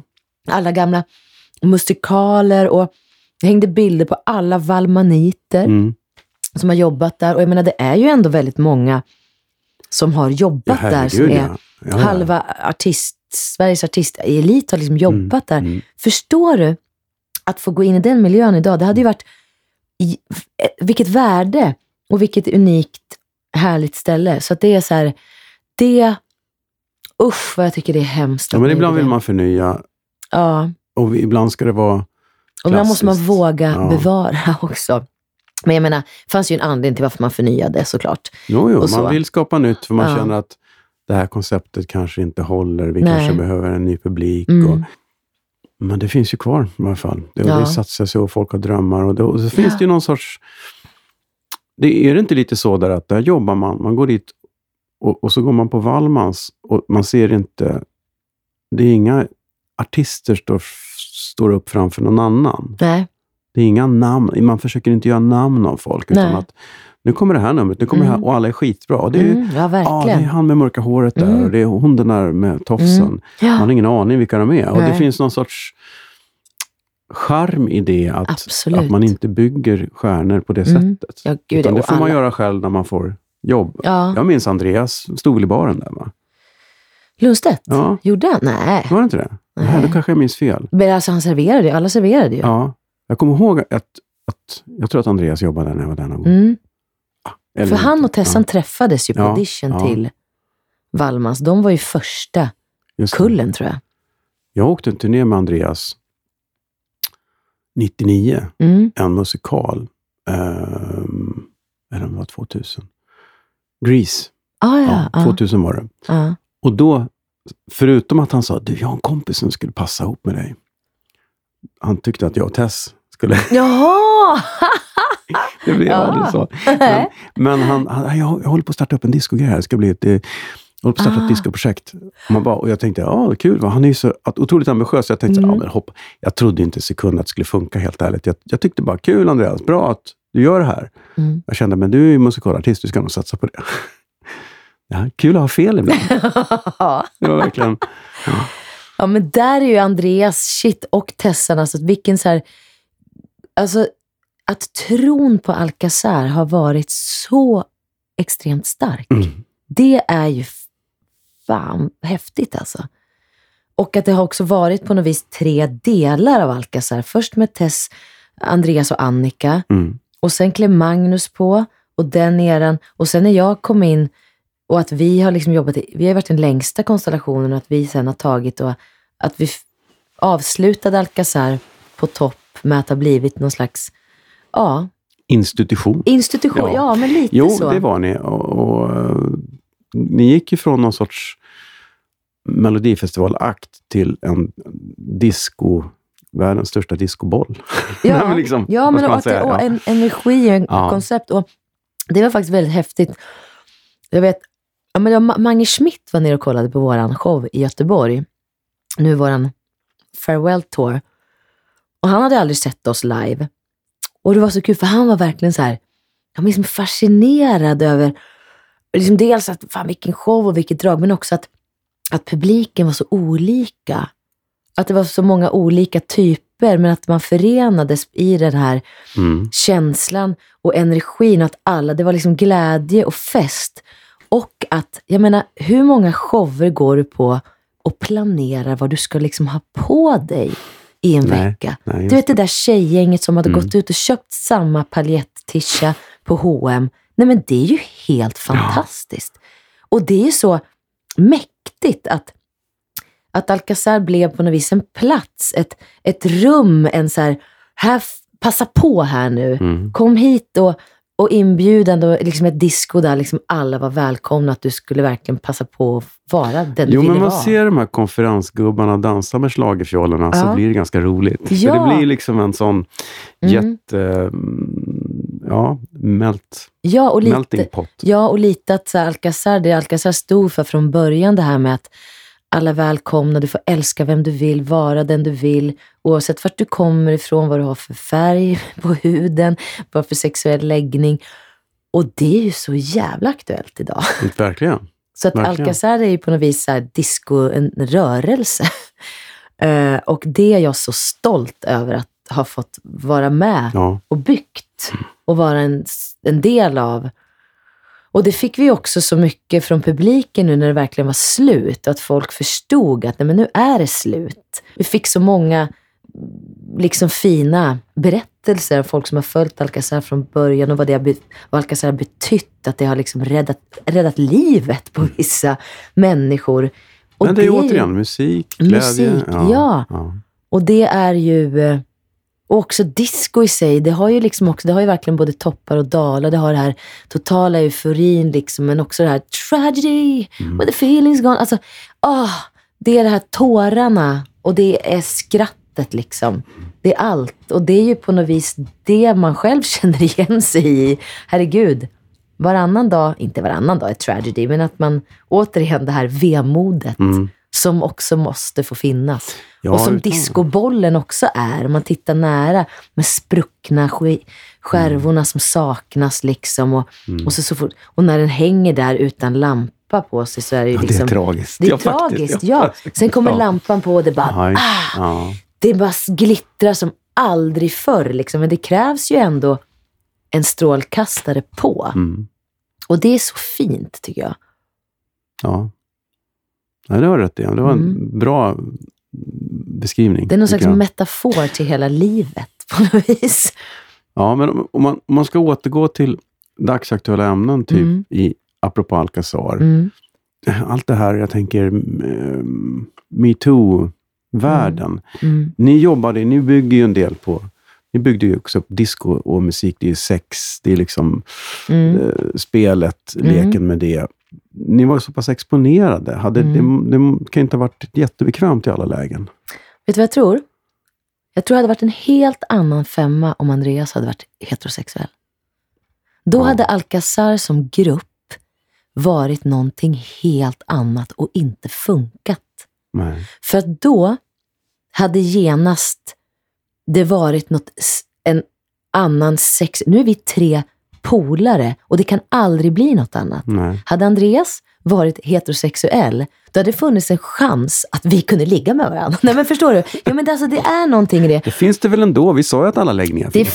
finns det ändå. Ja, ja, det, jag menar inte så. Ja, nej, men, men nu, men menar. Andreas Ja. är ju inte bisexuell, Nej, utan han nej. är verkligen homosexuell. Jättemycket faktiskt. Jättemycket. Ja. Så att, men det är väldigt intressant, för det var faktiskt en, en journalist som sa det här någon gång, att han hade tänkt den här tanken och det hade jag aldrig tänkt på innan. Men när han sa den så bara, shit vad spännande. För då hade det varit en helt annan grej att Tessan och jag står där i våra Mm. baddräkter eller urringade. Men jag tror att man känner så här, vi har ägt oss själva till 150 procent. Och ingen liksom jävel har kunnat sätta sig på oss. Och vi har varit, jag tror att så här, och det gör att så här, Andreas vill en tjej vara med. Och i och med att vi är hans bästa tjejkompisar så vill man, blir det också legalt att vi står där och får vara sexiga Mm. på något vis. och visa hud. Och vi är även småbarnsmorsor. Liksom. Vi är inte 21, utan det är vi det liksom... som är fint, precis. Jag tror att det också gör att det blir en sån här, fan, vi har liksom fött barn och vi har levt och vi har, vi, men vi kan ändå stå här i våra, för att vi känner oss bekväma med det. Och att vi äger oss själva. Och jag, faktum är att den här metoo-rörelsen liksom, rörelsen som har startat nu är ju liksom det mäktigaste som har skett sen, jag vet inte vad. Men jag som Lina och som artist, jag känner mig, har aldrig känt mig utsatt eller som ett offer. Och jag tror att det har att göra med mycket just det här att jag också har varit i en grupp i 11 år. Jag har inte utsatts för att bli vald eller inte vald eller hamnat i, så här, i, i en sån, utan jag har ju varit chefen hela Mm. tiden över mig och mitt och vårt tillsammans. Men också att vi har varit en, en grupp som, som är en liksom i hela hbtq-svängen och att vi har liksom brunnit och stått för alla dessa, ja men det jag var inne på, det här lika värdet och att, att vi är människor allihopa. Och jag tror att det hade varit en helt annan femma om vi inte hade varit en Nej. Tre kompisar. homosexuell. Nej, precis. jag tror det. Men jag tänker mer när man kommer till eh, utomlands, eh, England och menar, som är lite mer konservativt faktiskt. Eh, Hur ni blir behandlade på businessmässigt. Mm. Går folk fram och, och alltså i backstage, är, tar de för givet att Andreas är den givna ledaren då? Eller är ni, Ja, men jo, men så, så det kan jag det tänka mig att det Mm. lätt blir, ja det är Andreas och de här brudarna. Ja, men så, så har det varit. Ja. Och det har väl jag också känt lite så här. Det är det som var så skönt när vi, när vi väl fick göra, tror jag, första krogshowen. För då tror jag att det blev lite så här, det blev lite skifte Mm. i rollerna och att vi vart tre jämlikar på ett annat sätt. För tidigare var det så. Andreas är Alcazar, han är fronten och så är det tjejerna ett steg där bak. Liksom. Eh, och där tror jag att jag från början när jag klev in i gruppen så har jag aldrig kunnat identifiera mig med det riktigt. Och också varit lite så här, men jag klev ju också in i på något sätt koncept. Det var, rollerna var så. Men jag har ju faktiskt slått lite för att det, inte, att det ska ändras. Att så här, men vi är tre artister i en grupp. Våra styrkor, vi måste lyfta fram varandra för då blir gruppen ännu starkare.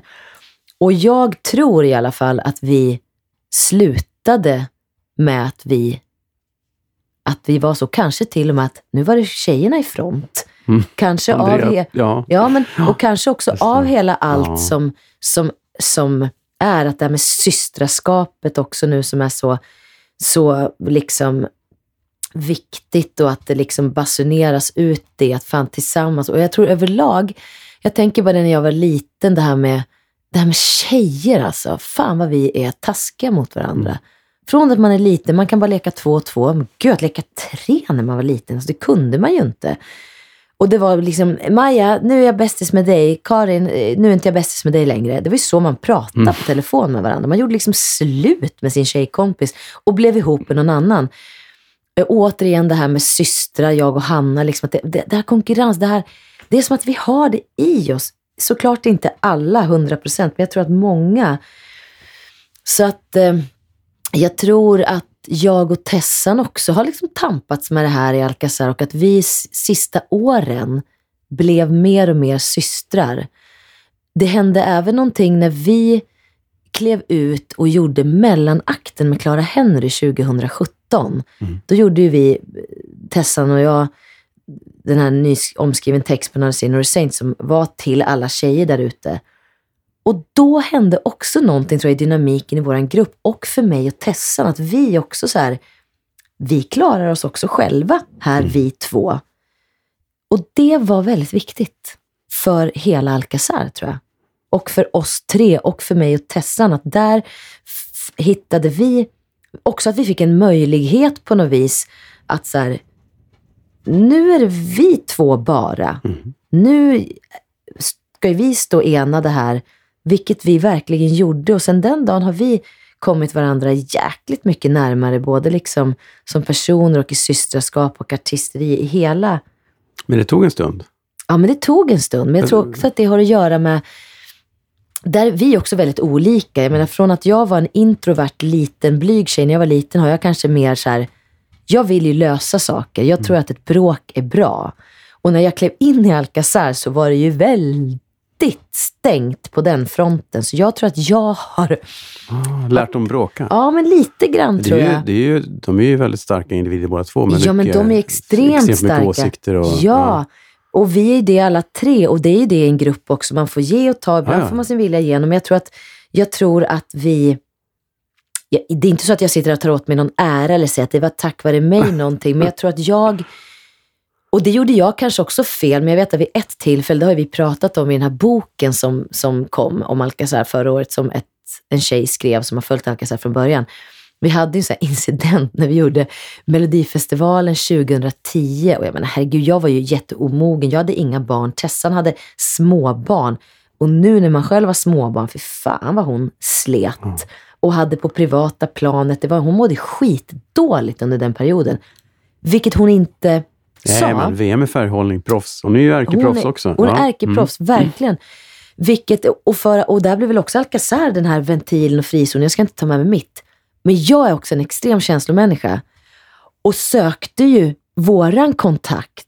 Och hon och Andreas satte ju ihop sen jättemånga år innan. Så jag ville ju så mycket. Så jag liksom typ sätter mig dagen, liksom efter genrepet, dagen innan, innan Melodifestivalen vi gjorde 2010 med headlines och typ såhär bara, vad är det? Börjar så här ifrågasätta henne och är så här, jag menar idag om jag tittar på det, alltså jag måste ju ha varit en sån pain in the ass och hon måste ha känt bara, vad fan håller du liksom på med? Hur kan du dra ner energin? Och för mig var det ju ett så här, hallå vi måste snacka. Mm, du ville lufta jag, lite. Jag ville Ja, lufta mm. lite och det var ju bad timing på den. Men det är också så skönt att vi så här idag, jag tror vi båda kan se vad vi gjorde fel och vad vi gjorde rätt. Och att det också, återigen, allt har sin tid. Det går inte att forcera fram sådana saker heller. Liksom. Och Tessan är ju, och Andreas, men nu pratar jag just om Tessan och systerskapet. Hon kommer ju alltid liksom att vara min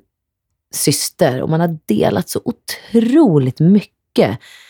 Och Tessan, jag vet att hon finns där och i, i liksom alla väder och har funnits där i alla väder. Hon är ju en av de klokaste och finaste människor jag vet. Men där kunde det ha spruckit. Det kunde ju ha blivit så att de ja, sa, ja, sorry Lina, men nej, ja, vi kan inte ha med dig längre. Absolut. För det var ju tror jag säkert. Jag tror att du- de har tyckt i många omgångar att mig och himlat med ögonen bakom Ja. min rygg och bara, hur fan vad hon jobbar. ha med den? Och tyckte att jag förmodligen för? Ja. tog för mycket plats också emellanåt. Och jag klev ju också in i Alcazar och bara, jag vill också sjunga lead. Men du, när du klev in i Alcazar, då kom du in i ett Alcazar som var... Var det Annika och Magnus? Slutade de samtidigt där? Ja, eller? det, men då hade, bandet hade ju legat nere sedan 2005. Mm. Och 2007 ringde Andreas mig och frågade om jag ville vara med och starta upp bandet igen. För han kände att jag är inte klar. Eller vi är inte klara. Mm. Ehm, så jag hade ju ingen relation till Magnus och Annika Du behövde inte ta tag i den biten att Ingenting. ersätta. Liksom. Du var nej, inte nya fast jag kände, nej, ja. fast jag kände ju ändå en väldigt så här, "Åh, här kommer jag, du kommer kasta ägg på mig nu och bara Annika, Magnus, Annika. Så det tog ju ett tag och Ja. också, och både inom gruppen också. Det var ju tydligt att det inte var klart. Alltså som att komma, träffa en ny partner, men det var jävligt mycket snack om exet. Mm. På ett negativt sätt. Ah. Ja, men gud, så var det verkligen. Det var inte, det var liksom inte färdigt. Du måste göra så här för Annika gjorde så. Ja, men, ja, men li, och lite Ja. tror jag med både liksom alla negativa saker som hade varit, Mm. Så fanns det också tror jag, en rädsla för att jag skulle kliva in och vara det. Och jag var hela tiden så här, äh, alltså jag är ju Lina, jag är ju inte någon av dem. Och jag menar, de hade ju haft ett jättetajt, alltså ah, det finns en naturlig förklaring till allt. Alla Mm. hade gjort massa fel och massa rätt liksom. Men det tog ju liksom ändå några år, eller för, 2009 gjorde vi Stay the Night och det var ju så skönt för att då, då var det liksom den riktiga presentationen av oss tre och då fick jag min första Alcazar-låt Mm. med Alcazar och då fick Alcazar, med Stay the Night 2009 fick Alcazar för första gången barnpubliken Mm. som inte hade varit med. Så då, där, där liksom vart det någonting där jag kände, tror jag, att jag kunde börja jobba med Alcazar utifrån Alcazar, mitt Mm. Jag, jag kunde börja kalla Alcazar för mitt. Mm. Innan hade jag känt mig som en gäst i någonting. Du var inte helt fast medlem. Du var, du var med just nu så får man se. Ja, ja, även fast det var vi tre så tror jag, men just det här att rollerna, vi behövde hitta våra roller vi tre. Mm. Eh, och både att, jag tror att både Andreas och Tess också behövde skaka av det gamla som hade varit och inse och lära sig att nu är det någonting nytt. Eh, liksom. Ehm, och jag menar fullt naturligt, de hade också skapat Alcazar utifrån tre karaktärer. Mm. Jag klev ju inte in och spelade mig själv, utan jag klev ju in, hette Lina. Jag hette ju inte, hade ju inte en C-persona, så jag hette det. eh, Lina, Lina Bell eller någonting. Alltså jag, liksom, Mm. eh, men de hade ju ändå skapats utifrån så Sir Andreas, Tess och Annika Fiore. Det var ju liksom olika, och jag klev in som Lina. Och det tror jag också var en skillnad ett tag. Eh, liksom, för jag har inte känt att jag har spelat, jag har, jag har använt ett uttryck av mig själv och en scenperson i mig själv, men jag har ändå känt mig, jag har varit Lina liksom. Mm. Mm. Inte spelat en roll eller karaktär. Eh, men liksom vi har ju, eh, Men det kanske var där Alcazar blev folkliga? ja men jag tror När det. ni slutade Mm. vara seriefigurer Ja. och blev...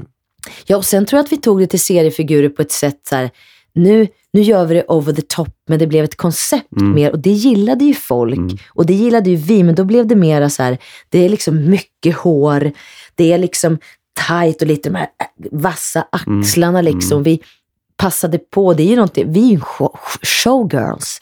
Men du, Liksom. den fjärde Alcazaren, Maggan. Ja. Har hon varit med sen... Hon har varit med Stark. början. Ja, hon har varit med sedan början. Ja. Hon kände, kände dem...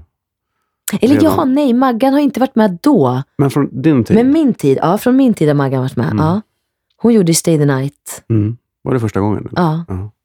Sen är hon... Nej, hon gjorde faktiskt först, nej, hon gjorde kläderna även till först, vårt första gig som var 2007 på GAY, klubben i London. Ja, då var Maggan med Mhm. på ett hörn. Och sen är det så. Sen är det så. Ja men gud, det är ju samma sen med Conny Bäckström som kom in när vi gjorde första krogshowen, Disco Defenders, som liksom skapade våra smink och våra hår. Mm, Alltså mm. alla har ju en sån enorm betydande del i Alcazar, i vårt uttryck. Mm. och he- hela det. Så att de är ju, de är ju verkligen med, medlemmar de också Mm. i gruppen. Och det är det som har varit så roligt.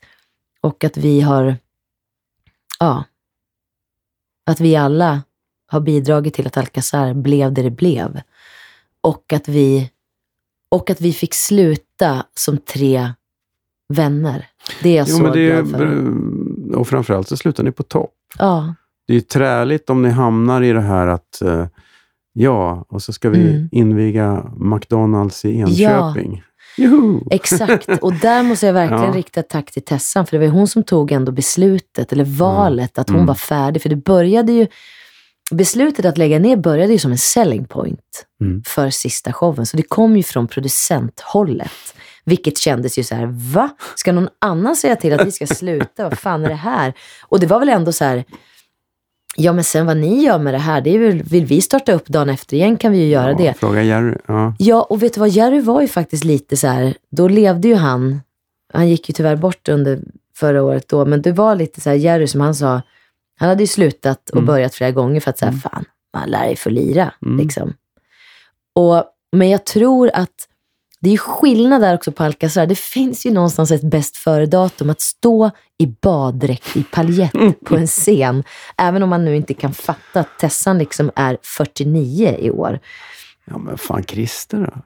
Ja, Christer, absolut. Han- Det, ja, ja, jo, jo, det är sant.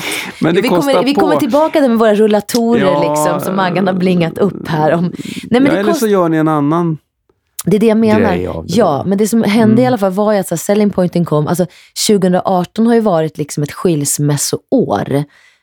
Vi har ju mått skitdåligt och jättebra. Mm. Det har varit verkligen... Eh, det var ju på väg att det inte blev någon show. För att vi var ju liksom, vi satt i gruppterapi. För att vi inte, vi var på varsina kanter liksom. Och det är också så här glad att vi, att vi gjorde det. Och att för Alcazars skull, fr- framförallt att det blev som det blev, att vi fick avsluta på topp och att Tessan sa liksom, vet ni, jag är klar efter 20 år. Mm. Det var ju liksom det bästa som kunde hända, tror jag, för alla oss som individer. Både som personer och som artister.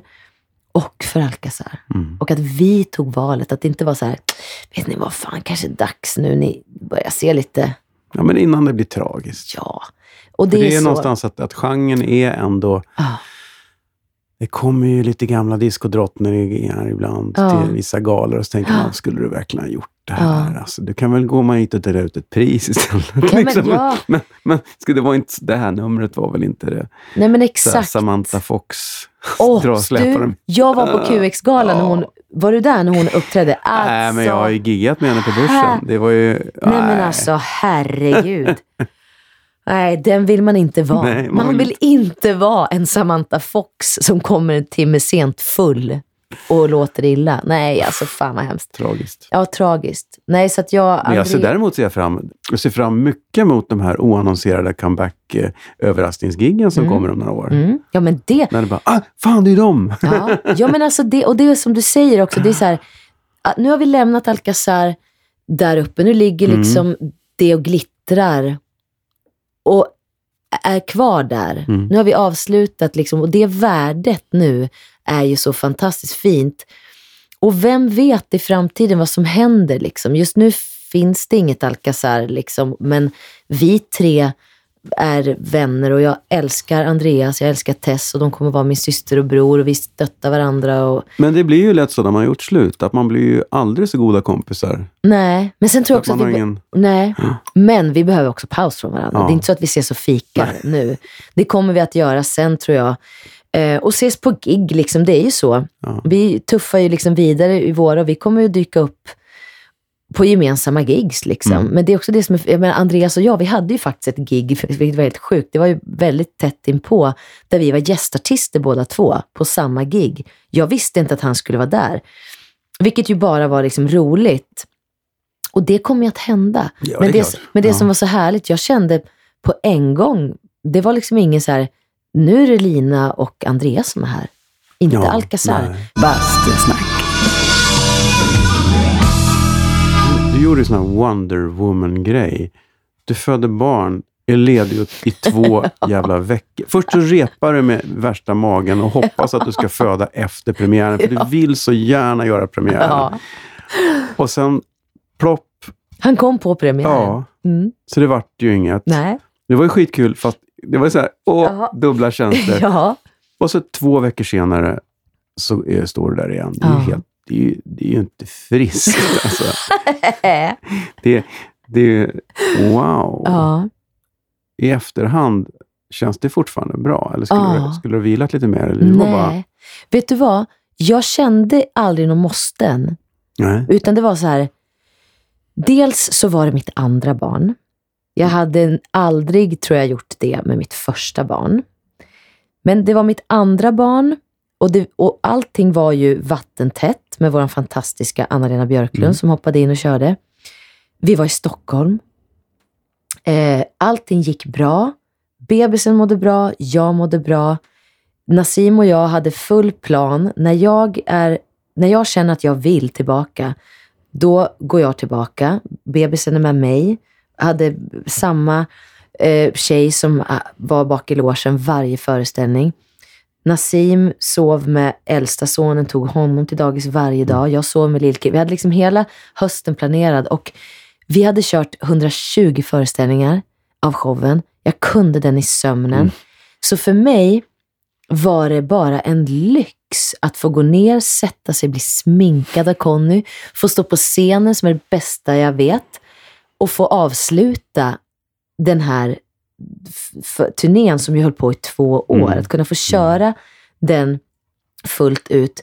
Så att jag, jag kände mig själv liksom som en bara nyförlöst, totalt lycklig tvåbarnsmamma som gick runt i så här, förmodligen så här hormonrus och kände mig bara så tacksam. Ja, men du var ju så o, onaturligt glad. Och man bara stod där och bältade på när man bara, ja, hela, och man har liksom, det är inte, jag menar, det gick ju bra allting, men även när det går bra är det ju en match Ja. barn. Men vet du vad? Eh, eh, crying, det var min kniplåt. Så- ja, då, hela Crying stod jag och kände, knep. För det ska man göra så att jag, jag måste ändå öva här lite grann. Så att jag, ja, det var min kniplåt. Bra det här. Ja. Ja, det var, men, det var, men det var kul att höra det för att jag, man, ibland får man en känsla av att, att pressen i en föreställningssituation är ibland lite knasig Mm, så att saker och ting mm. förstoras upp på ett sätt Ja. så att man känner, och då kan man ju lätt förvandlas till duktig flicka. Ja. det här måste jag minsann lösa Mm, nu. mm. Det här får du väl göra, för det här är ju Charlotte, Charlotte Perrelli gjorde ju det Mm, också. mm. Och så känner man, shit, men alla kanske inte fixar det. Nej, Liksom. nej. Men det gjorde du. Det var Ja. ju... Nej, men Ja, jag, det, är, det är ganska mycket jävlar anamma också. Som, för det, så Ja. var det verkligen så lätt? Ja, men alltså, gre- lite så här- det? Alltså, ja, men, fördelen för mig är ju att jag har haft två stycken graviditeter där jag har mått, jag mår som bäst när jag är Mm. gravid. Inga foglossningar, ingenting. Och jag, är så här, jag har ju alltid tränat så jag har ju aldrig liksom slutat. Jag är liksom ingen periodare, jag är en konstantare när det Mm. kommer till träning.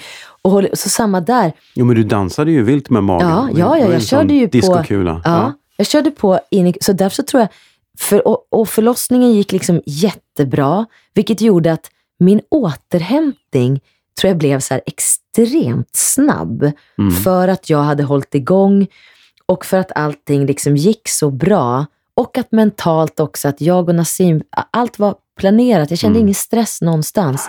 Och då var det så här, och, och också att jag visste att så här, det finns ingen producent som jagar på mig. Det fanns ingen som jagade på Nej, det mig. fanns ju en plan, för du visste ju någonstans Ja. hela tiden att Anna-Lena kan kliva in Ja. om det inte funkar. Exakt. Och hon var ju som sagt, det är som du säger, Ja. fan vilket jobb hon gjorde. Ja. Och att hon skulle veta vilken föreställning, ja, vad, vilken roll har jag idag?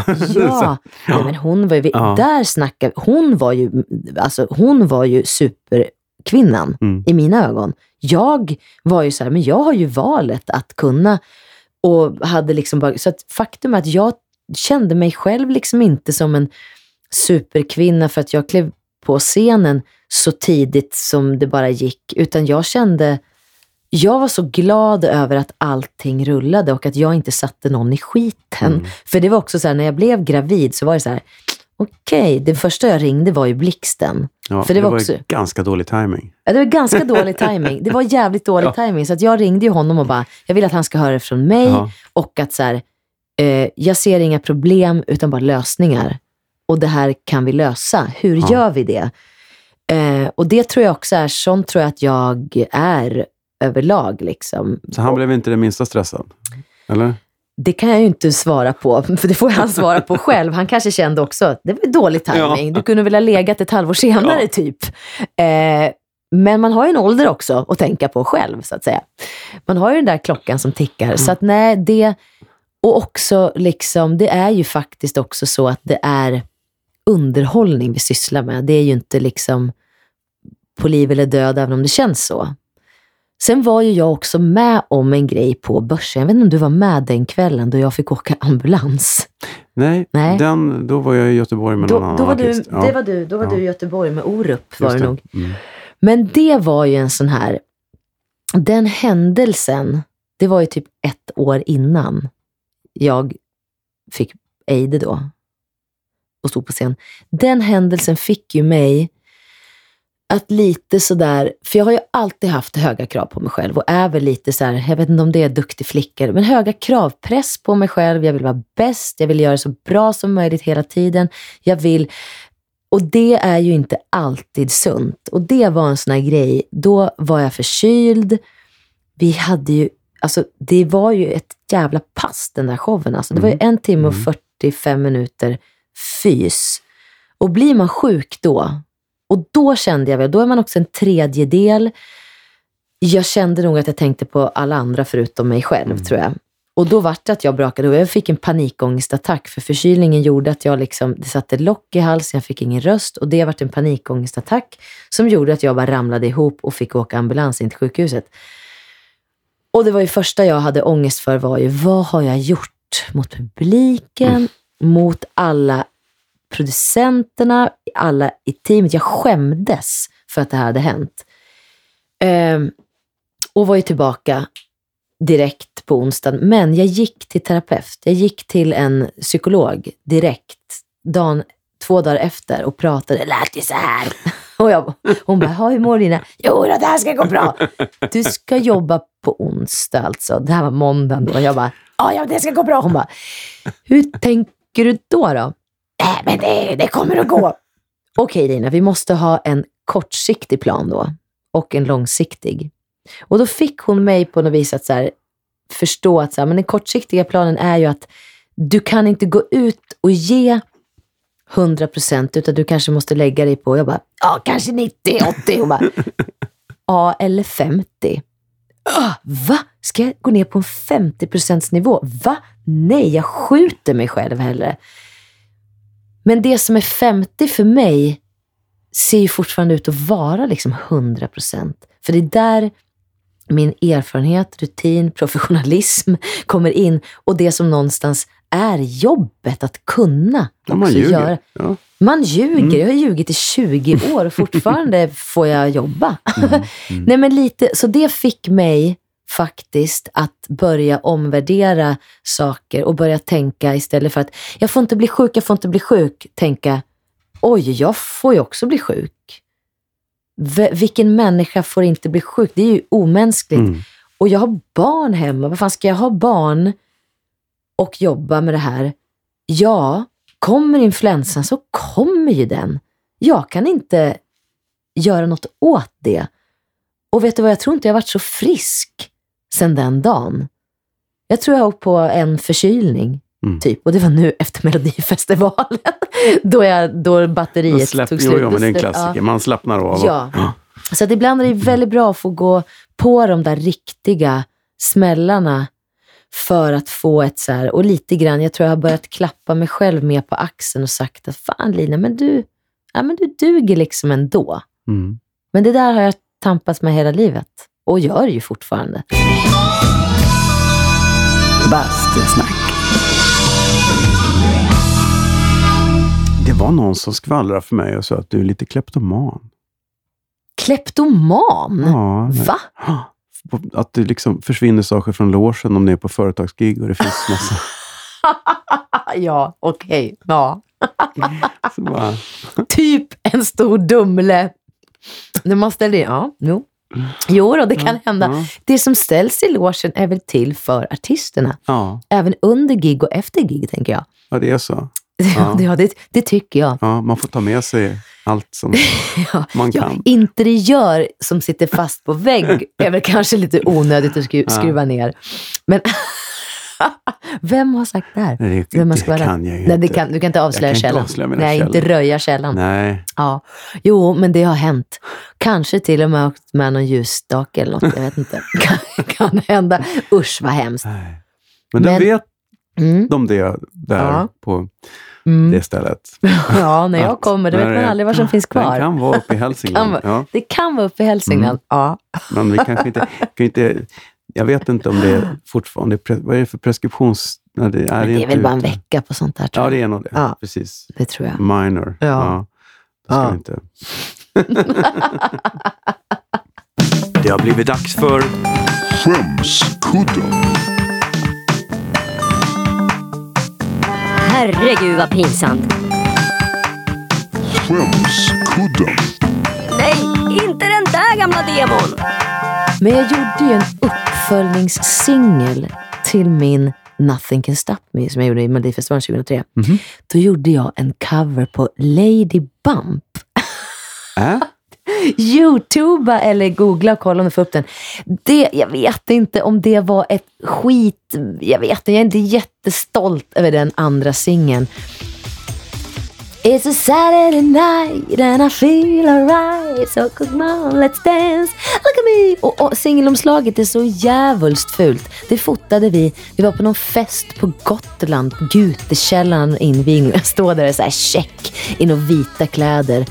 Ehm, och eh, Ja, den ja. Jag fick upp den här. Ja, titta vad käckt! Nej, men det där är väl Ja. ingenting som jag ramar in direkt och säger, kommer att säga, hörni barnbarn, lyssna här nu på vad farmor gjorde. Eh, Den bilden ska vi lägga upp på Facebook-sidan faktiskt. Åh, herregud, jag känner mig så fin i de vita kläderna och Visby, Visbyhimmel.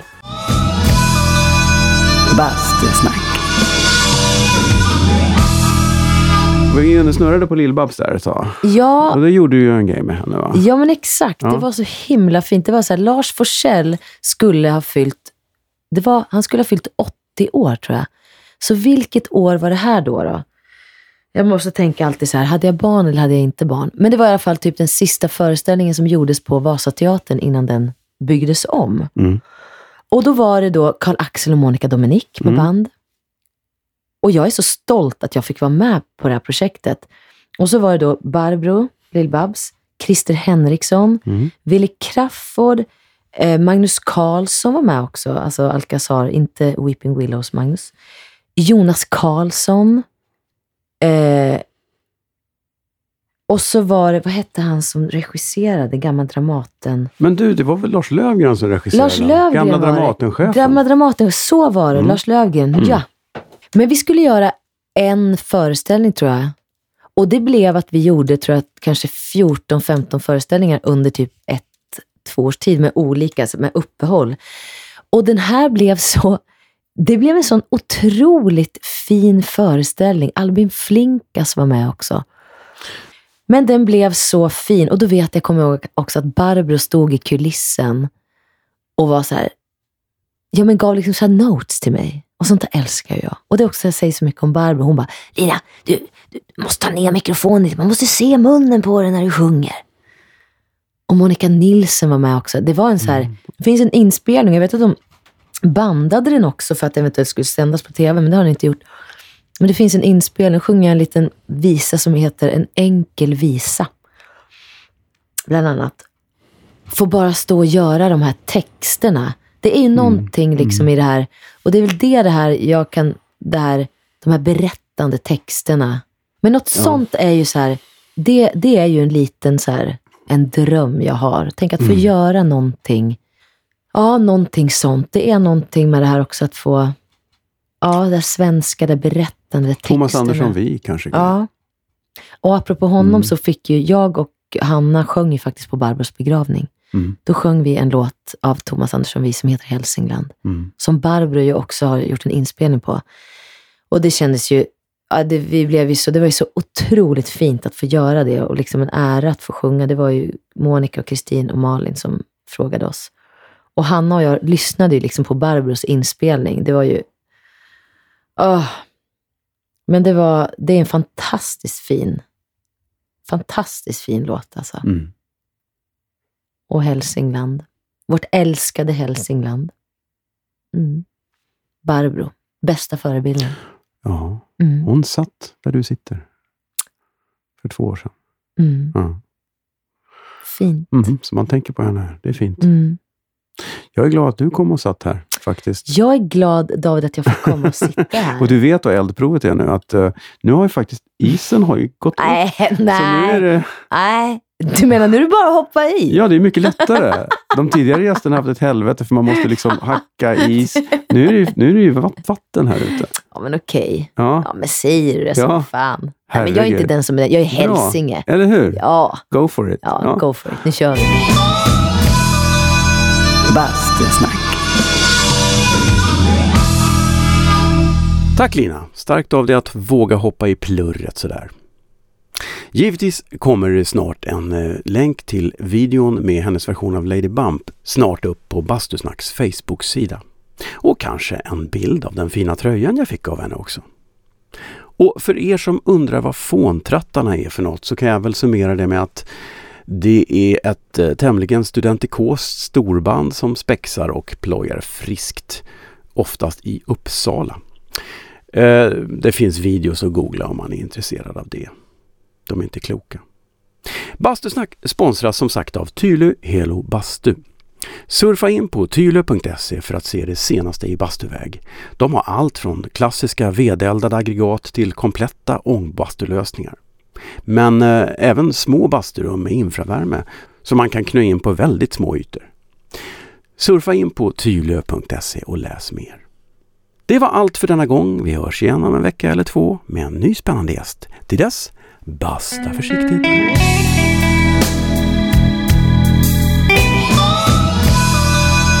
Bastusnack.